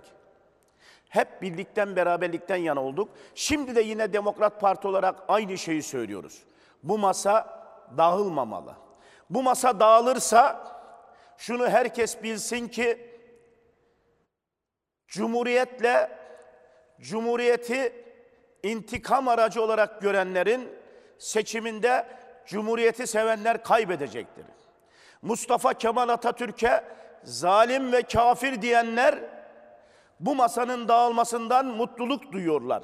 Şu an sosyal medya başta ol- olmak üzere A Haber Mutluluk kanalı ve Tüpçü'nün televizyonundaki beşli bekleyenler sürekli bu masaya hakaret ederek, bu masaya saldırarak bu birlikteliği daha da derinleştirmeye çalışıyor. Birliktelik mümkün mü? Mümkündür. Bugün için mümkün mü? Bugün için de mümkündür. Çünkü tekrar söylüyorum biz nefsimiz için hareket etmiyoruz. Biz şahsımız için hareket etmiyoruz. Kazanacak aday. Neye göre kazanacak aday? Karşımızda kazanamayacak bir adam var Recep Tayyip Erdoğan. Kazanması imkansız bir adam var Recep Tayyip Erdoğan. Yani kazanacak aday dediğimizde Recep Tayyip Erdoğan'ı gözümüzde büyütüyoruz. Dolayısıyla kazanacak aday Millet İttifakı'nın adayıdır. Kazanacak aday bu altılı masanın adayıdır. Kim olursa olsun kazanacaktır. Kazanacaktır. Kim olursa Başka şey- olsun. Kim olursa olsun kazanacaktır. Burada aday yarıştırmak yanlıştır. Mansur Yavaş. Mesela ben Mansur Yavaş'a Maraş'a gittiğimde, deprem bölgesine gittiğimde oradaki yaptığını, orada küçük bir Ankara modelini nasıl kurduğunu gördüğümde çok mutlu oldum. Hatta Kahramanmaraş Belediye Başkanı Mansur Yavaş buraya gelmedi dediğinde acıdım o adama, acıdım. O Kahramanmaraş Belediye Başkanı'na acıdım. Mansur Yavaş orada kurduğu yemekhaneleriyle, oradaki e, yapmış olduğu hizmetlerle, oraya götürdüğü ekipmanıyla, Trabzon Caddesi'nde yüzlerce insanın Ankara Büyükşehir Belediyesi itfaiyesi tarafından ki itfaiye mensuplarına, maden mensuplarına, orada Zonguldak maden işçilerine herkese teşekkür ediyorum çalışanlara. İnsanların kurtulmasına vesile olmuş ama Maraş Belediye Başkanı ben burada Mansur Yavaş'ı görmedim diyecek kadar akıldan, izandan uzaklaşmıştı. Dolayısıyla Mansur Yavaş beyefendi kişiliğiyle, zerafetiyle yakışır. Ekrem İmamoğlu İstanbul'un Büyükşehir Belediye Başkanlığı'nı yapan yakışır. Ama burada biraz da şöyle düşünmek gerekir. Ankara ve İstanbul Recep Tayyip Erdoğan için çok önemli İlkerciğim. Recep Tayyip Erdoğan İstanbul'u kazanan Türkiye'yi kazanır diyordu. Recep Tayyip Erdoğan'ın tek hayali Ankara'yı, İstanbul'u tekrar geriye alıp buradan birilerine destek vererek bu kadar yoğun bir seçmen üzerinden kendisine yeniden bir rant alanı devşirmek istiyor. Buna fırsat vermemek veya bu konuda karanın Cumhuriyet Halk Partisi'de olduğuna da saygı duymak gerekir. Cumhuriyet Halk Partisi de nihayetinde kurumsal bir kimliktir. Bu masada efendim şu olursa kaybederiz, bu olursa kazanırızdan ziyade bir olursak kazanırız anlayışı olmalı. Bakın şu an geldiğimiz noktada Ama bu üç gündür ortaklaşma sağlanamadı. Yani kazanacak aday cümlesinin dışına çıkamadı maalesef. Olması gereken ortak mutabakat metninin anlatılması, e, o çalışılan metinlerin halka yaygınlaştırılması, böyle bir e, umudun pekiştirilmesiydi. Ama en başından beri işte gelinen son günde de hep bir aday tartışmasına sıkıştı kaldı. aday tartışmasından ziyade ben olaya şöyle bakıyorum. İyi Parti tabanı. İyi Parti tabanının tamamı Recep Tayyip Erdoğan iktidarından en büyük zulmü gören bir tabandır. Beş yıldan bu tarafa çocukları devlet kadrolarına alınmamıştır. Esnafı mağdur edilmiştir. İşvereni mağdur edilmiştir. Beş yıldır İyi Parti tabanı en fazla saldırıya bu iktidar döneminde maruz kalmıştır. İl başkanları dövülmüştür. ilçe başkanları dövülmüştür. İnsanlar taciz edilmiştir. İş yerleri taciz edilmiştir. Dolayısıyla bu taban ne dersek diyelim her haliyle bu iktidara karşı duruş sergileyen hem de dik duruş sergileyen bir tabandır. Sayın Akşener de bu anlamda tabanını konsolide eden ve iktidara karşı 5 yıl boyunca her türlü hakaretlere rağmen, her türlü baskılara rağmen, her türlü yapılan yanlışa, iftiralara rağmen Sayın Akşener de burada durmuş, durmayı becermiştir. Dolayısıyla bizim bu saatten sonra sen veya da ben diye bir kavga içerisine girmemiz mümkün değildir. Ben buradan bazı kendisine sol diyenlere de seslenmek istiyorum. Efendim iyi oldu, güzel oldu. Ne iyi oldu, güzel oldu? Ne oldu da güzel oldu? Yüzde 25 Cumhuriyet Halk Partisi'nin oyu var. Yüzde 15'e yakında İyi Parti oyu var. Dört partinin de oyuna baktığınızda en kötü ihtimal yüzde yedi sekize tekamül ediyor. Siz bakmayın o yancıların çıkıp da bunların ne oyu var dediğine. Bugün Demokrat Parti'nin, Saadet Partisi'nin, Gelecek Partisi'nin, Deva Partisi'nin sadece üyesi İlker'cim 1 milyon, 1 milyon. Bu dört partinin üye sayısı Yargıtay'a girsinler herkes baksın 1 milyon. algı yaratılarak birbirimize düşürülmek isteniyoruz. Ben herkese buradan çağrı yapıyorum. Ona ihtiyacımız yok, buna ihtiyacımız yok dersek biz millete ihanet ederiz. Bizim birbirimize ihtiyacımız var. Tekrar söylüyorum. Bu ittifak milliyetçi, ülkücü, demokrat, solcu it- ittifakı değildir. Bu ittifak millet ittifakıdır. Millet bizden birlik ve beraberlik içerisinde bu iktidara son vermemizi bekliyor. Ve millet bize diyor ki eğer bunu yapmazsanız size bunun bedelini ağır ödetiriz diyor. Bedelin ağır ödenmesi ne demektir? İşte bu ülkede rejimin değişmesine kadar gidecek bir sonucun gelmesi demektir. Recep Tayyip Erdoğan bir daha iktidar olursa emin olun bu ülkede bir daha seçim olmayacaktır. Bir daha demokrasi olmayacaktır. Hapishaneler tıktım tıktım İleri dolacaktır. bir yorum olabilir tabii. Bu sizin İleri kendi kişisel yorum bana görüşleriniz ait olarak. bir yorumdur bu. Şahsıma aittir. Görüyorum çünkü tanıyorum. Bu zihniyeti tanıyorum. Bu zihniyeti biliyorum. Bu zihniyet kendisinden olmayana yaşama hakkı tanımıyor. Fikrimizi söyledik diye gece yarılarında insanlar eli kelepçeli, arkadan kelepçeli evinden alınabiliyor. Ama bu memleket öyle bir memleketti. Gazetecilerin eli kelepçeli, arkadan kelepçelilerek gözaltına alıp tutuklandığı bu ülkede dün Hatay'da bir emniyet müdürü depremzedelerin yardımlarını yağmaladı, çaldı, hırsızlık yaptı, serbest bırakıldı. İlkerciğim serbest. İşte bu zihniyeti herkesin görmesi lazım.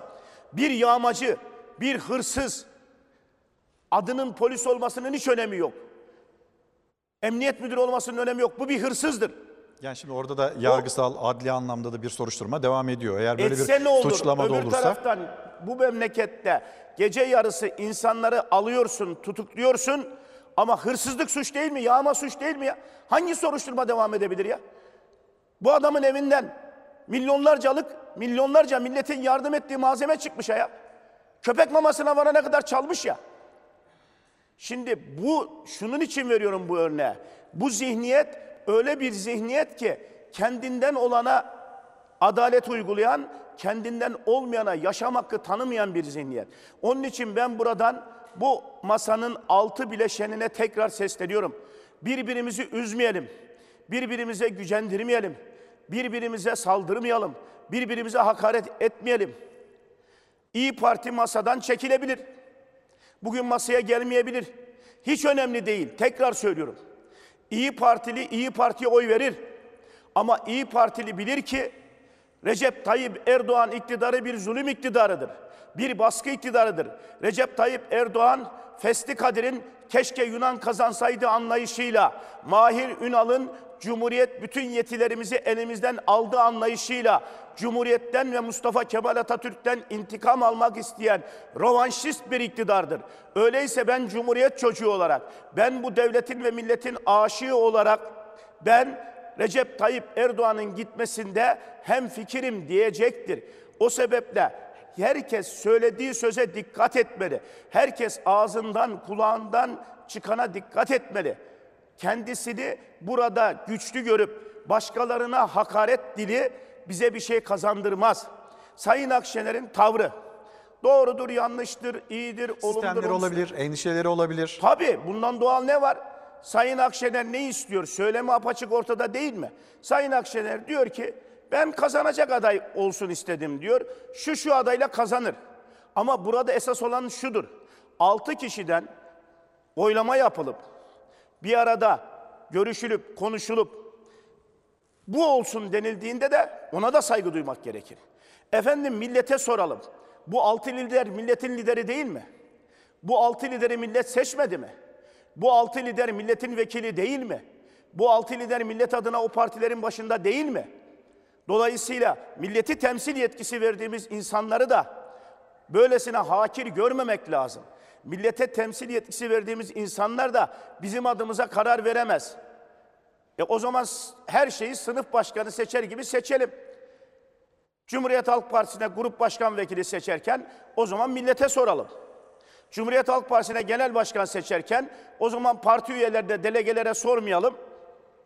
Millete soralım. Öyle mi olur? Demokrasi nedir? Verilen vekalet yetkisini en iyi şekilde kullanma anlayışıdır, rejimidir.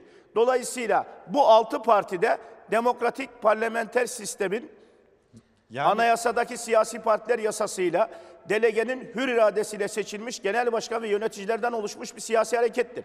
Bu siyasi hareketin almış olduğu kararlar bizim ortak kararımız diye de onun arkasında durmak lazım. Biz Demokrat Parti olarak Sayın Genel Başkanımız Gültekin Uysal dün söylediği gibi bugün de aynı şeyi söylüyoruz. Biz masadan çıkacak kararın sonuna kadar arkasındayız. Masadan kim çıkarsa çıksın, adı ne olursa olsun o bizim Cumhurbaşkanı adayımızdır. Kazanacak aday mıdır? Kazanacak adaydır. Bu memlekette Recep Tayyip Erdoğan gibi 17-25 Aralık'ta 700 bin dolar saati rüşvet diye alanları koruyan, bu memlekette Ticaret Bakanı'nın kocasının şirketinden malzeme satın alanları koruyan, bu memlekette her türlü hırsızlığı, yolsuzluğu görmesine rağmen beşli çetelere itibar eden, bu memlekette Cumhuriyet'in bütün değerlerini ayaklar altına alan, andımızı kaldıran, Türkiye Cumhuriyeti yazılarından rahatsız olan, ne mutlu Türk'üm diyene sözünden rahatsız olan birisi kazanacak aday oluyor da bu memleketin evlatları, sarı saçlı mavi gözlü dev adam Mustafa Kemal Atatürk'ün yol arkadaşlarından mı Cumhurbaşkanı olmuyor? Olacaktır. Millet seçecektir Allah'ın izniyle. Olayı ben böyle görüyorum. Dolayısıyla herkesi bu masa etrafında güçlü bir iradeyle bir arada durmaya çağırıyorum. Şu an bizi seyreden herkes ağlıyor. Vallahi de ağlıyor, billahi de ağlıyor, üzülüyorlar. Gece yarılarından itibaren beni arıyorlar. Ne olursun Meral Akşener'i çağırın, davet edin, tekrar gelsin bu masaya diyorlar.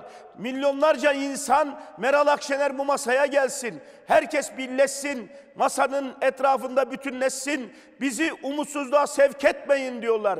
Bizi hayal kırıklığına mahkum etmeyin diyorlar. KPSS'den 96 alan çocuğumuz mülakatta AKP'li olmadığı için 50 verilerek eleniyor. Bu zulme durduğun diyorlar. İşsizliğe son verin diyorlar. Torpile son verin diyorlar. Cumhuriyete sahip çıkın diyorlar. Mustafa Kemal Atatürk'ün Türkiye'sine sahip çıkın diyorlar. İşte biz bu noktadayız. Nefsimiz adına, partimiz adına hareket etme noktasında değiliz. Birileri diyor ki masadasınız milletvekilliği bakanlık pazarlığı yapıyorsunuz. Her kim ki milletvekilliği bakanlık pazarlığı yapıyorsa Allah onun belasını versin. Her kim ki milletvekili olmak için bu ittifakı destekliyorum diyorsa Allah onun belasını versin. Cemal Engin Yurt Gültekin Uysal olarak bütün Türkiye'ye bir kez daha aykırıyoruz. Pazarlık pazarda yapılır. Pazarda da her şey alınır, satılır. Her şeyin alındığı, satıldığı yerde Demokrat Parti yoktur. Gültekin Uysal yoktur. Cemal Engin Yurt yoktur. Vekil olmak için değil, bakan olmak için değil. Biz Mustafa Kemal Atatürk'ün Türkiye Cumhuriyeti Devleti'ne sahip çıkmak için bu ittifaktayız. Yoksa milletvekili olmak gibi bir derdim olsaydı otururdum Milliyetçi Hareket Partisi'nde elimi kaldırır, elimi indirirdim. Hiç sesimi çıkarmazdım, hiç müdahale etmezdim, hiç tepki göstermezdim. Orada milletvekilliğine iktidar partisi milletvekili gibi devam ederdim. Şu söz duyuldu Cumhurbaşkanı'ndan. Biz can derdindeyiz, onlar mal derdinde. Cumhurbaşkanı mal işini iyi bildiği için, maldan ne anladığını en iyi o bildiği için dolayısıyla biz can derdindeyiz esas olan. Biz cumhuriyet derdindeyiz. Cumhurbaşkanı da inşaat yapma derdinde. Cumhurbaşkanı da temel atma derdinde. Cumhurbaşkanı da milleti inşaat yoluyla depremden kendisine devşirme derdinde. Cumhurbaşkanı inşaat yapacağım diyor. Kimin mal derdinde olduğu belli. Sayın Cumhurbaşkanı sen can derdindeysen deprem konutlarını niye yüzde altmışını devlet, yüzde kırkını depremzedeye ödetiyorsun? Madem sen can derdindeysen Cumhurbaşkanı niye o bölgede vergilerin tamamını silmedin? Madem sen can derdindeysen Recep Tayyip Erdoğan niye bankalar milletin kredi borcunu silmiyor? Madem sen can derdindeysen Cumhurbaşkanı Recep Tayyip Erdoğan Kızılay çadır sattı, kan sattı, çorba sattı. Kızılay'ın başkanıyla hala fotoğraf çektiriyorsun ve sen can derdinde oluyorsun öyle mi? Cumhurbaşkanı mal derdindedir. Cumhurbaşkanı tekrar seçilme derdindedir. Bir beş yıl daha seçileyim de ne olursa olsun derdindedir. İşte bunun için de bu ittifak, bu masa devam etmeli. Bu Cumhurbaşkanına bu millet gereken dersi vermelidir. Şimdi çıkmış yandaşlar. Ama şimdi gelinen noktada Millet İttifakı, buradaki derin ayrılık, ki sizin çağrınız tekrar birleşelim, gecikmeden şartsız bir birleşmeyi de e, dillendiriyorsunuz. Ama Cumhur İttifakı'nı gelinen nokta konuşturdu. Hatırlattığınız yer en çok durmamız gereken yer. Yaklaşık 45 bin insanımız hayatını kaybetti depremde, enkaz altında can verdi ve biz siyasetteki bu ayrılığı konuşuyoruz. Ee, yeniden deprem bölgesine dönelim. Siz biraz soluklanın istiyorum. Deprem bölgesine döndüğümüzde, baktığımızda karşımızda e, ciddi meseleler var. Ve tüm bu meselelerin içinde Kızılay'ın çadır sattığı, depremin 3. gününde hala depolarında çadır olduğu, sonra gıda da sattığı bu gerçekler varken Kızılay Başkanı'nın durumu yaptığı ya da CEO'sunun ya da kollarının, şirketlerinin yaptığı konuşulmaz oldu, konuşulamaz oldu. Ama barınma büyük ihtiyaç. Ee, su en büyük ihtiyaçlar arasında su, su. Bunu konuşmamız gerekiyor. Tekrar deprem bölgesindeyiz. Şu garip halimden mi ne işveli nazlı Gönlüm hep seni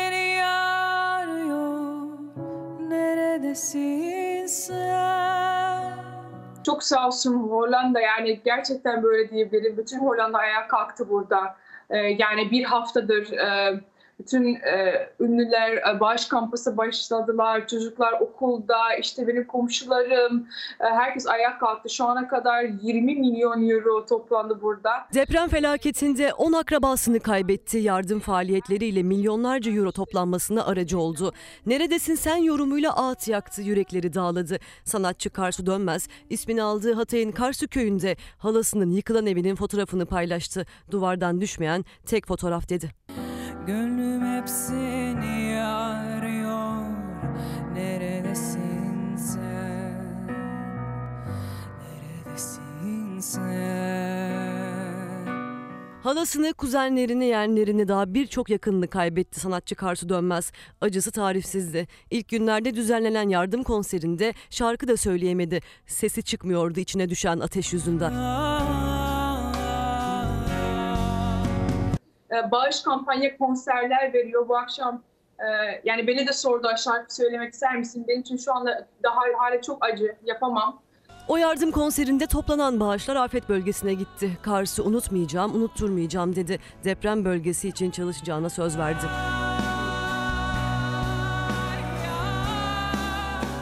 Yazdığı yemek kitabının da tüm gelirini deprem bölgesine başlayan sanatçı, halasının yıkılan evinden bir fotoğrafa yer verdi. Duvardan düşmeyen tek fotoğraf dedi, Atatürk'ün halasının evindeki o fotoğrafını paylaştı. Bir de hatırlatmamız olsun bu akşam Ankara Kuğulu Sanat Galerisi'nde Şinasi Boz Atlı'nın sergi açılışı olacak. Tablolardan elde edilecek geliri de depremzedelere bağışlanacak. Efendim e, genel olarak bugün neyi bekleyelim? Önümüzdeki günler hangi gelişmeleri gebe ve çağrınız İyi Parti'ye ve masaya nedir? İlker'cim genel olarak o konuya geçmeden önce Kızılay. Şimdi Sayın Cumhurbaşkanı ben can derdindeyim diyor. Madem can derdindeyse Sayın Cumhurbaşkanı, çorbayı satan, konteyner çadır satan ve kanımızı satan ve 300 bin üzerinde maaş alan Kerem Kınık hala nasıl Kızılay'ın başında duruyor? Ve Sayın Cumhurbaşkanı bu adamla nasıl fotoğraf veriyor? Hangi başarıya imza attı da fotoğraf veriyor? Kızılay hangi başarıya imza attı? Sayın Cumhurbaşkanı diyor ki çadır yok diyenler be ahlaksızdır, be namussuzdur, be edepsizdir. Evet. E Sayın Cumhurbaşkanı bize diyeceğin o sözü söyleyeceğin adam belli. Çadırı satmış. Olan çadırı satmış adama bir ses etmeyen birisi çıkıyor muhalefete hakaret ediyor. Bak daha ilginci ne biliyor musun? Geçenlerde e, deprem bölgesindeyiz cumartesi günü. Sayın Genel Başkanımız Gültekin Uysal Fox Haber'e bağlanıyor. Fox Haber'de deprem bölgesinde 3 gündür oradayız. Cumhurbaşkanı da açıklama yapıyor. Diyor ki ben Cumhur İttifakı olarak iki kere gittim deprem bölgesine diyor. Bu sirk cambazları diyor kaç kere gitti diyor. Yahu muhalefet ilk günden itibaren bugün 30. günü Allah bir daha böyle bir gaza, bela göstermesin, afet göstermesin. Muhalefet hep orada. Mesela Kahramanmaraş Milletvekili Ali Öztunç diye bir kardeşimiz. Komşumdur. Onun için yakinen takip etme imkanım oluyor. Bugün 30. gün hala Maraş'ta. Uykusuz geceler geçirerek, bir elbiseyi bir hafta çıkarmayarak Maraş'ta Ankara Büyükşehir Belediyesi'nin kurduğu o afet koordinasyon merkezinde bir gönüllü gibi çalışıyor. Ama Cumhurbaşkanı diyor ki bunlar sirk cambazı. Olmuyor. Bunlar yakışmıyor. Peki. İşte bunun için bile bizim birliğimizi, beraberliğimizi korumamız gerekiyor. Bugün olması gereken şey şudur. Bugün Cumhurbaşkanı adayımız açıklanacaktır. Kim? Kim olduğunu benim nezaketen bile söylemem şık olmaz. Yani Peki. çünkü beş lider var orada. Gönül istiyor ki tekrar söylüyorum. Sayın Akşener Sayın Akşener abladır. Sayın Akşener merhametlidir. Yüreği geniştir. Ben bilirim ki Sayın Akşener öyle gurur, nefis yapacak bir liderden ziyade bir insan değildir. Bana göre bugün o toplantıya giderek bir sürpriz yapmalı. Oraya katılmalı. Nerede kalmıştık diyerek o masada ortak bir kararla Cumhurbaşkanını hep birlikte açıklamalıyız. Bugün Saadet Partisi Genel Merkezi'nin önünde bir düğün havası yaşamalıyız. Bir toy yaşamalıyız. Kutlu bir dirilişi başlatmalıyız. Ergenekon'dan çıkış misali bu milletin içine hapsedildiği, tutsak edildiği bu iktidardan kurtulmak için bir fırsat doğmuştur. Ben tekrar diyorum ki bu masaya Sayın Akşener gelmeli. Ama bir kere daha sözün sonu olarak bunu da söylemek istiyorum. Sayın Akşener masaya gelmedi. O vakit ben beş partiden ve beş partinin mensuplarından hasreten şunu rica ediyorum. Özellikle Cumhuriyet Halk Partisi'nin sol seçmene şunu söylüyorum. İyi ki gittiler, olmasa da olurlar diyerek hiçbir şeye hizmet etmeyiz. Hiç kimseye fayda sağlamayız. Burada mevcut oyla yüzde 40 bile alınsa Cumhurbaşkanı seçilemiyor. Cumhurbaşkanının seçilmesi için İyi Parti seçmenine ihtiyaç var. İyi Parti seçmeni de tekrar söylüyorum. Net bir şekilde ifade ediyorum. Recep Tayyip Erdoğan'a karşı bir seçmendir.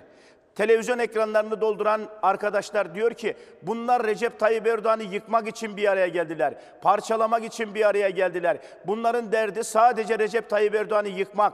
Bizim derdimiz Recep Tayyip Erdoğan'ı yıkmak değil İlkerciğim. Biz 3 Kasım 2002 yılında sandıkla iktidar olan Recep Tayyip Erdoğan'ı sandıkla göndereceğiz. Efendim neymiş? Recep Tayyip Erdoğan giderse Cumhuriyet yıkılırmış. Herkes şundan emin olsun. Bu Cumhuriyet'in kurucusu sarı saçlı mavi gözlü dev adam Mustafa Kemal Atatürk öldü. Cumhuriyet yıkılmadı ki satıcıları giderse Cumhuriyet asla yıkılmayacaktır. Cemal Engin Yurt, Demokrat Parti Genel Başkan Yardımcısı e, konuğumuzdu. Teşekkür ederim geldiğiniz teşekkür için, ederim. değerlendirdiğiniz için. Biz yine güzel haberlere de odaklanalım. E, Tuğba Danışmaz. e, 2023 Avrupa Salon Atletizm Şampiyonası'nda kadınlar 3 adım atlamada şampiyon oldu. Hadi bir gözümüz, göğsümüz kabarsın. Tuğba geliyor. Haydi Tuğba. Geçerli bir atlayış. Çok da iyi bir atlayış geldi 14 metrenin üzerinde. 14.31 Türkiye rekoru geliyor. Tuğba Danışmaz'dan. Kadınlar 3 adım atlamada İstanbul'da Tuğba Danışmaz Avrupa şampiyonu oluyor. Tuğba Danışmaz Avrupa şampiyonu sevgili izleyenler. Gerçekten güzel bir yarış. Şimdi konuğumuz Deva Partisi'nden, Deva Partisi'nin sözcüsü Sayın İdris Şahin Çalar Saatte. Efendim günaydın. Günaydın Hoş efendim. geldiniz. Hoş Ee, az önce e, Cemal Engin her zaman gibi ateşli bir konuşma yaptı. Bir çağrı da yaptı. Bir sürpriz yapmasını istedi. Meral Akşener'den. Siz bugün bir sürpriz bekliyor musunuz? Ee, çağrınız nedir? Masaya, tüm paydaşlarına, beşli masaya değil, altılı masaya çağrınız. Şimdi öncelikle şunu söyleyelim. Meral Hanım bu masanın gerçek sahibi. Ya sonuç itibariyle Millet İttifakı'nın kurucuları başında.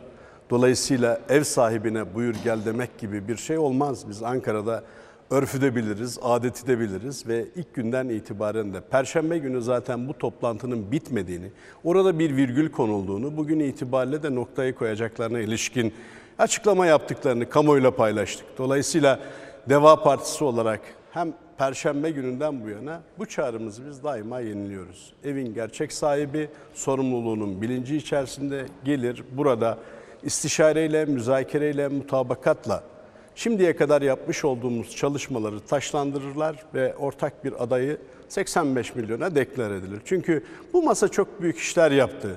Bunları görmemiz lazım İlker Bey. Eğer bunları görmezsek yaptığımız işlerin farkında olmadığımızı gösterir. Neydi bunlar? İlk başlangıçta güçlendirilmiş parlamenter sistem çalışma metni 28 Şubat 2022'de bitti. 6 liderin altında imzası var. Devamında 84 maddelik anayasa değişiklik metni yine 6 liderin imzası var.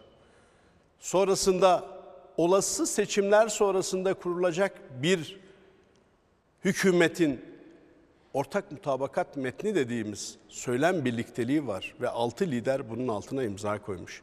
Dolayısıyla şu aşamadan sonra sadece bugün imzalanacak olan geçiş sürecinin yol haritası ve istişareyle, müzakereyle, mutabakatla karar verilen ortak bir cumhurbaşkanı adayını bugün kamuoyuyla paylaşmayı planlıyoruz. Dolayısıyla bu çalışmaların hepsinin altında imzası olan evin gerçek sahibi Sayın Akşener'in elbette ki bugün orada olmasını canı yürekten isteriz. Bunun için davete de gerek yok. Zaten Perşembe günü bir virgül kondu. Bugün itibariyle de inşallah noktayı hep birlikte koyarlar diye düşünüyorum.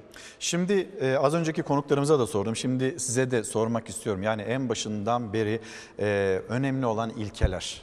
O ilkeler üzerinden ilerlenecek. İşte ortaya çıkan anayasa çalışması, ortaya çıkan ortak mutabakat metni ve bütün partilerin de yan yana gelişiyle halka bu anlatılacak. Denilirken e, adaylık meselesine sıkışılmış bir durum var. Bir kere bunu tahlil etmenizi istiyorum. Yani niye buraya sıkışıldı?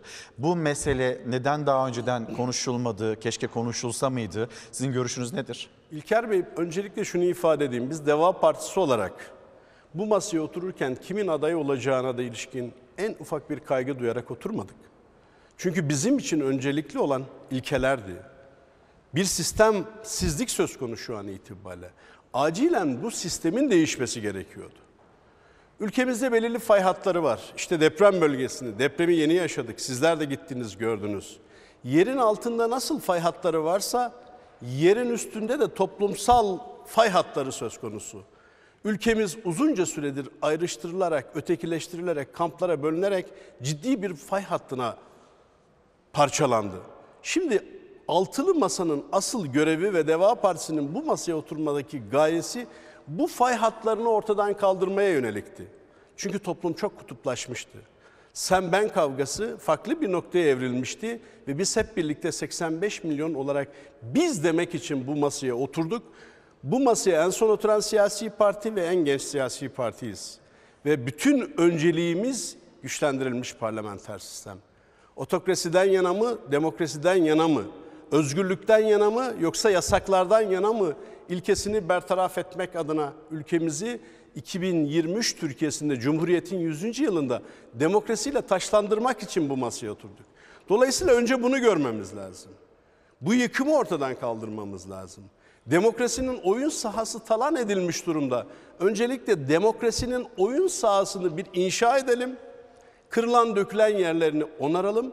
Ondan sonrasında ise rekabet edelim diyoruz. Biz bu masaya otururken şu sahikle oturduk.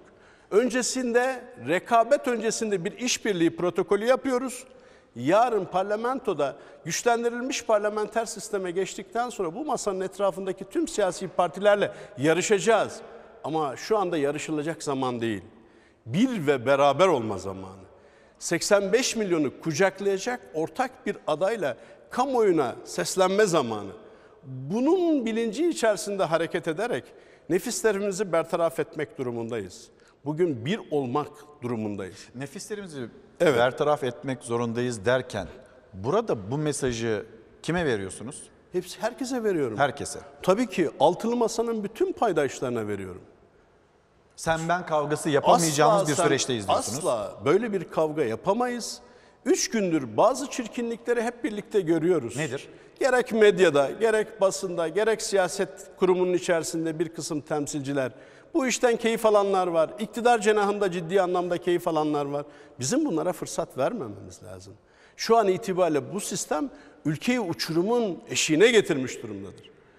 Sayın Karagöz, burada asıl olan altılı masanın paydaşları ve onlara gönül verenler bu ülkeyi uçuruma sürüklenmekten çekip almak durumundadır. Bunu da ancak ve ancak birlik ve beraberlik içerisinde yapabilir. Bakın bugün Berat Kandili, bütün milletimizin Berat Kandili'ni de özellikle kutladığımı buradan ifade etmek istiyorum. Bugün arınma günü, bugün yapmış olduğumuz hatalardan ders çıkartıp önümüze daha net bir şekilde yürüme günü ve tarihi bir günün eşiğindeyiz. Bu tarihi günün eşiğinde bizim sorumluluklarımız katlanarak büyüyor. Çünkü emekliler bizden umut bekliyor. Depremzedeler bizden umutlu bir çıkış bekliyor. Gençlerimiz özellikle yeni bir Türkiye inşasına dair bu kıymetli çalışmaları yapan liderlerden önümüzdeki süreçte çok daha farklı şeyler bekliyor. Sabit gelirler yine aynı. Ülkenin pek çok alanında tel tel döküldüğü bir yönetim sistemini tekrar onara etmek, tekrar ayağa kaldırmak ancak ve ancak birlik ve beraberlikten geçer. Bugün bu başarılabilir mi? İmkansız değil ama zor görünüyor. Ama siyasette bir söz var. Siyasette kapılar kapatılabilir ama asla ve asla kilitlenemez diyor. Çünkü bu kapıları tekrar açacağız. Bakın en azından şu anda masanın paydaşlarına buradan seslenmek istiyorum. İktidar ortaklarının 2015 öncesinde birbirlerine söyledikleri sözlere bir bakın. Hakaret almış sözler, kırıcı sözler. Ama bunların hepsini unuttular bugün bir ve beraberler. Otokrasiyi adım adım inşa etmek adına birbirlerinin yanlışlarını görmeden bu milleti uçuruma götürüyorlar. İşte bizim vatandaş olarak sorumluluğumuz, siyaset kurumu olarak sorumluluğumuz burada bu tür hadiselerden ari olarak hadiselere yaklaşmak ve birbirimize dayatmadan bak iki taraflı dayatmadan bahsediyoruz burada. Çok netliğiyle ifade edeyim. İlla ki benim dediğim olacak veyahut da sadece diğer mutabakata varılan isim olacak gibi bir kaygı içerisinde olmamak lazım. Bu masa otururken kurallarını koydu. Mecelleden bugüne Sayın Karagöz bir usul vardır. Usul esasın kapısıdır derler. Usulü işlemleri mutlaka hatırlatmamız gerekiyor ve bu masanın çalışma usulü de şuydu. İstişare, müzakere ve mutabakat. Mutabakat olmadan hiçbir imzanın atılamayacağını herkes gayet iyi biliyor. Perşembe günü niçin pazartesiye bırakıldı bu konu? Çünkü mutabakat yoktu. Peki o zaman ne oldu? Adayda yani Perşembe günü yoktu. karşımızda bizim bir metin var. E, o metinde de işte yol haritası üzerinde e, adayın, açıkla, adayın açıklaması ile ilgili e, bilgiler var. E, partide yetkili kurulların yine e, danışılacağı, bilgilendirileceği bir anlamı da çıkıyor bir tarafıyla. E, ne oldu da Cuma günü o sert açıklamalar geldi? İşte onu anlamak çok kolay değil. Gerçekten öfkeyle kalkan zararla oturur diye bir söz var bizde. Ve ben salı günü, şey, perşembe günü toplantı sonrasında aynı gün canlı yayındaydım. Aynı cümleleri kullandım. Ben ortak akla itibar ediyorum dedim. Sağduyu burada egemen kılınacak dedim. Ama cuma günü farklı bir yerde toplantıdayken Meral Hanım'ın o açıklamalarını gördüğümde biraz hissiyet kokan, duygusallık kokan, bir şeye duyulan öfkeden kaynaklı olarak konuşulan bir metin olarak değerlendirmiştim. Ama öncesinde hazırlanmış, prompterdan okunan bir metin olunca sadece burada bir duygusallıktan öte bir kurgunun da var olduğunu görüyorsunuz. Nasıl Asıl şey? üzücü olan hadise o. Yani eğer gecesinden sabahına bu yazı prompterda okunuluyor ise elbette nereye gideceği, sözlerimizin nasıl bir anlam ifade edeceği iyi tartılıp ölçülebilir. Şu anda biz program yapıyoruz. Benim hata yapma lüksüm var. Ama size gelmeden önce bir yazılı metin hazırlıyor ve bunu da 85 milyona deklare edecek isem biraz daha dikkatli bir dil kullanmamız gerekiyor. Ama ne olursa olsun velev ki bu şekilde davranmış olsa bile Sayın Akşener için bugün bir çıkış kapısı daha var. Çünkü oradaki o sözlerinin muhatabı itham ettiği kesimlerden birisi Deva Partisi olarak biziz ve biz kendisine diyoruz ki bunlar için bir çıkış kapısı söz konusu. Yani siz bunları ben hak edecek... duygusal olarak bu- burada davrandım. Belki hata yapmış olabilirim. Keşke bunları 85 milyonun huzurunda değil de farklı ortamlarda söyleseydim. Ama ben sizin ablanızım. Meral Akşener olarak benim bir tarzım var. Burada da sesimi yükseltmiş olabilirim. Ama ben bu masanın asli sahibiyim, geleceğim, millete dair bir sorumluluğum var diyebilir. Sistemsizlik ve çöküşmüşlükten tekrar ayağa kalkmanın tek bir yolu var. Bu ancak ve ancak altılı masa bileşenlerinin göstereceği ortak adaya sadece altılı masa değil, bu sisteme itiraz olan herkesin oy vermesiyle ilk turda açık ara seçimlerin kazanılmasıyla mümkün. Bakın Sayın Karagöz dört gündür ülkedeki her türlü olumsuzluğun üstü örtülüyor bu tartışmalarla birlikte. Hani Sayın Erdoğan diyor ya biz canlarımızı düşünüyoruz. Evet biz can derdindeyiz, onlar ben mal de Sayın derdinde diyor. Erdoğan'a soruyorum. Cami çıkışında Dolmabahçe'de yapılan toplantı sonrasında canları düşünüyoruz diyorsunuz da ilk 48 saat neredeydiniz? O soğukta enkazın altında arama kurtarma faaliyetlerinin koordinasyonunun eksik olması nedeniyle binlerce insan donarak öldü. O gün canlar aklınıza gelmiyor muydu? 48 saat sonrasında derhal gittiğiniz deprem bölgesinde seçim takvimini başlatarak, seçim kampanyasını başlatarak mı canlar aklınıza geliyor? Bırakın onları. Bu millet sizin gerçek anlamda niyetinizin ne olduğunun gayet iyi farkında. O nedenle ülke olarak değişimi satın almış durumdayız. Sadece altılı masanın sorumluluğu değil, 85 milyonun kolektif bir sorumluluk taşıması gerekiyor. Bugün kavga edecek, farklılıklarımızı bir ayrıştırma aracı haline getirecek bir durumumuz söz konusu değil. Deva Partisi olarak yine söylüyoruz buradan. Çağrımız 85 milyonla bütünleşmek. Aday, maday bunlar işin teferruat kısmı. Çünkü işin özünü biz adım adım çalışarak, ince ince, motif motif işleyerek ördük zaten İlker Bey. Siz o kurularda beraber çalıştığınız İyi Partili Evet. arkadaşlarınızla bu süreçte konuştunuz mu? Dün Ankara'da pek çok isimden de e, bu böyle olmaz, masaya geri dönülmeli, e, liderler her liderin endişesi neyse bu anlaşılmalı ama yeniden bir birlik olmalı yaklaşım var. Böyle bir yaklaşım var. Peki bu gerçekleşmezse siz ev sahibi Sayın Meral Akşener bizim de ablamız diyorsunuz. Tabii ev ki. sahibine eve gel denilmez. E, kendisine kapının açık olduğunu söylüyorsunuz. Hayır, Ya toplantı gelmezse? henüz tamamlanmamış bir toplantı. Eğer bitmiş olsa, yeni bir süreç başlıyor olmuş olsa Saadet Partisi'nin ev sahipliğinde bu toplantı gerçekleşmez. Hala Saadet Partisi'nde devam ediyor ve bu işleyişin nasıl olduğunu da Sayın Akşener de gayet iyi biliyor. Ancak şunu özellikle ifade edeyim. Bu çalışmalarla bir ruh oluşmuştur Sayın Karagöz. Bugün Sayın Akşener o masaya gelmese bile İyi Parti'nin ruhu o masada tecelli etmiştir. Neyle tecelli etmiştir? Hükümet programı dediğimiz ortak politikalar metniyle tecelli etmiştir. 84 maddelik anayasa değişikliğiyle tecelli etmiştir. Geçiş sürecinin yol haritasıyla tecelli etmiştir. Yine güçlendirilmiş parlamenter sistem mutabakat metniyle o ruh tecelli etmiştir. Dolayısıyla bu ülkenin tamamına yakını değişim iradesinde satın almıştır. Bu sistemsizlikten kurtulmanın, bu fay hatlarını tamir etmenin yolu ve yöntemi siyasette düzgün bir dil, kucaklayıcı bir anlayış ve hep birlikte ayağa kalkmayla mümkün olacaktır. Ben inanıyorum ki bu millet ne olursa olsun bu sisteme karşı hep birlikte ayağa kalkacaktır. Şimdi toplantı aslında bitmemiş bir toplantıydı diyorsunuz.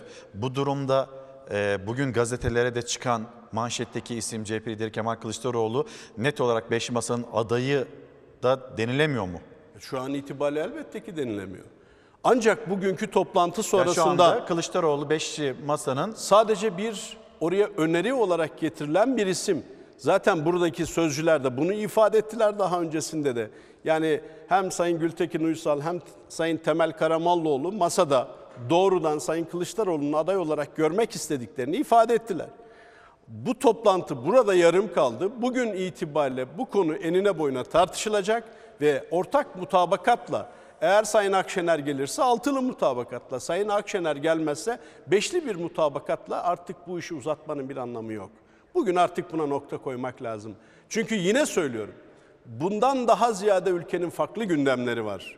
Depremzedelere el uzatacak bir umuta ihtiyaçları var. İktidardan ümidini kesmiş milyonların, emeklinin, işçinin, dar gelirlinin, gençlerimizin özellikle bir umuda ihtiyacı var ve o umudu bugün mavilikleri sürerek piyasaya, özellikle ifade edeyim. Sabahtan bu yana bakıyorum büyük bir çoğunluğu kravat olarak mavi tercihte bulunmuş. Maviyi biz sadece devanın rengi olarak görüyorduk ama burada farklı temsilciler de mavi olarak girmiş. Bu rahatlığı ülkemize sunmak durumundayız. Bugün Saadet Partisi Genel Merkezi'nden artık bu işi uzatmanın kimseye bir faydası yok. Bir nokta koymak lazım. Ama yine söylüyorum seçimlere yönelik olarak bir ve beraber hareket etme yükümlülüğümüz var. Vatandaşa taahhüdümüz var. Bu çalışmaları birlikte taşlandırdık. Buraya birlikte ruhumuzu verdik ve bu ruhla birlikte ülkenin yeniden ayağa kalkmasını birlikte sağlamamız gerekiyor. Efendim çok teşekkür ederim. Ben Geldiğiniz teşekkür için biz de gün içinde olup bitenleri takip edeceğiz. Ve e, tabii sizin de söylediğiniz gibi ortaya çıkan 2500'den fazla vaat. O vaatlerle ilgili İyi Parti'nin cümlesi var, zihni var, noktası var, virgülü var, fikri var. Ve böyle bir ortaklaşma da yakalanmışken bugün olması gerekenin tarifini siz de aslında çok net yapıyorsunuz. E, henüz aday net değil. Elbette net değil tabii ki. Bakın sabah gelirken baktım İyi Partili dostlardan birisinin çok güzel bir sözünü Twitter'da gördüm. Son söz olarak Tabii alayım. ki birlikte rahmet, ayrılıkta azap vardır diyor. Gün nefisleri yenme günüdür. Bunu da ben söylüyorum. Gün demokraside, adalette, barışta ve kardeşlikte birleşme günüdür. Gün 85 milyonla birlikte tek millet olma, tek yürek olma günüdür. Gün değişim vaktinin geldiğini dağa, taşa, dosta, düşmana ilan etme günüdür. Tekrar teşekkür ederim efendim. Şimdi e, her yerden çağrı var. Millet İttifakı'na bir yandan da İyi Parti lideri Sayın Meral Akşener'e bir çağrı, bir tahlil ve bir çağrı daha. Fox Haber Genel Yayın Yönetmeni e, Doğan Şentürk dün ana haberde ekranların karşısındaydı ve neler söyledi çağrısında. Bence psikolojileri şey çünkü birbirlerine çok duygusal bağlarla bağlı iki lider biliyorum ben. Hem Sayın Akşener'i çok yakından tanıyorum hem Sayın Kılıçdaroğlu'nu çok yakından Hı hı. Duygusal bağları çok yoğun olduğu için kırgınlıkları da keskin oluyor. Gülbin. Dolayısıyla bu keskin bir kırgınlık. Hı. Ve bu kırgınlık telafi edilemez bir kırgınlık değil. Meral Akşener benim de şahit olduğum, kulaklarımla duyduğum e, çeşitli ortamlarda Kemal abi diyor. Ve diyor ki e, ben aileme öldükten sonra bir vasiyette bulunmuştum. E, her namazda Kemal Kılıçdaroğlu'na dua etsinler diyor. Aynı şekilde Kemal Kılıçdaroğlu'nun da Sayın Akşener'e bir kardeş, bir kız kardeş gibi baktığına çok eminim, biliyorum yani. Her ortamda da bunu bizzat duydum. O yüzden bunu bir an önce tamir edilmesi için bence geç değil. Bugün e, bugünden tezi yok. Yani bu diyalog sağlanabilir. Efendim bir kez daha günaydın ve bir kez daha hayırlı kandiller. Bugün için noktalıyoruz ama Ankara'dayız. Ankara'da çok ciddi bir trafik var. Ne olacak, ne bitecek? Millet İttifakı bir geri dönüş olacak mı, olmayacak mı? Beşli masa, altılı masaya evrilir mi? Bunun takibinde olacağız ve bir yandan da elbette o Cumhurbaşkanlığı açıklaması yarın sabah sizlere e, yine başkentten günaydın diyeceğiz. Son dakika bilgileri, kulis bilgileriyle aynı zamanda masadan bir lideri de ağırlayacağız. Bir aksilik, bir manikeder olmazsa. Kapatırken her zamanki gibi teşekkürümü sizlere. Bizi izlediğiniz için teşekkür ederiz. Yarın sabah 7.45'te görüşürüz.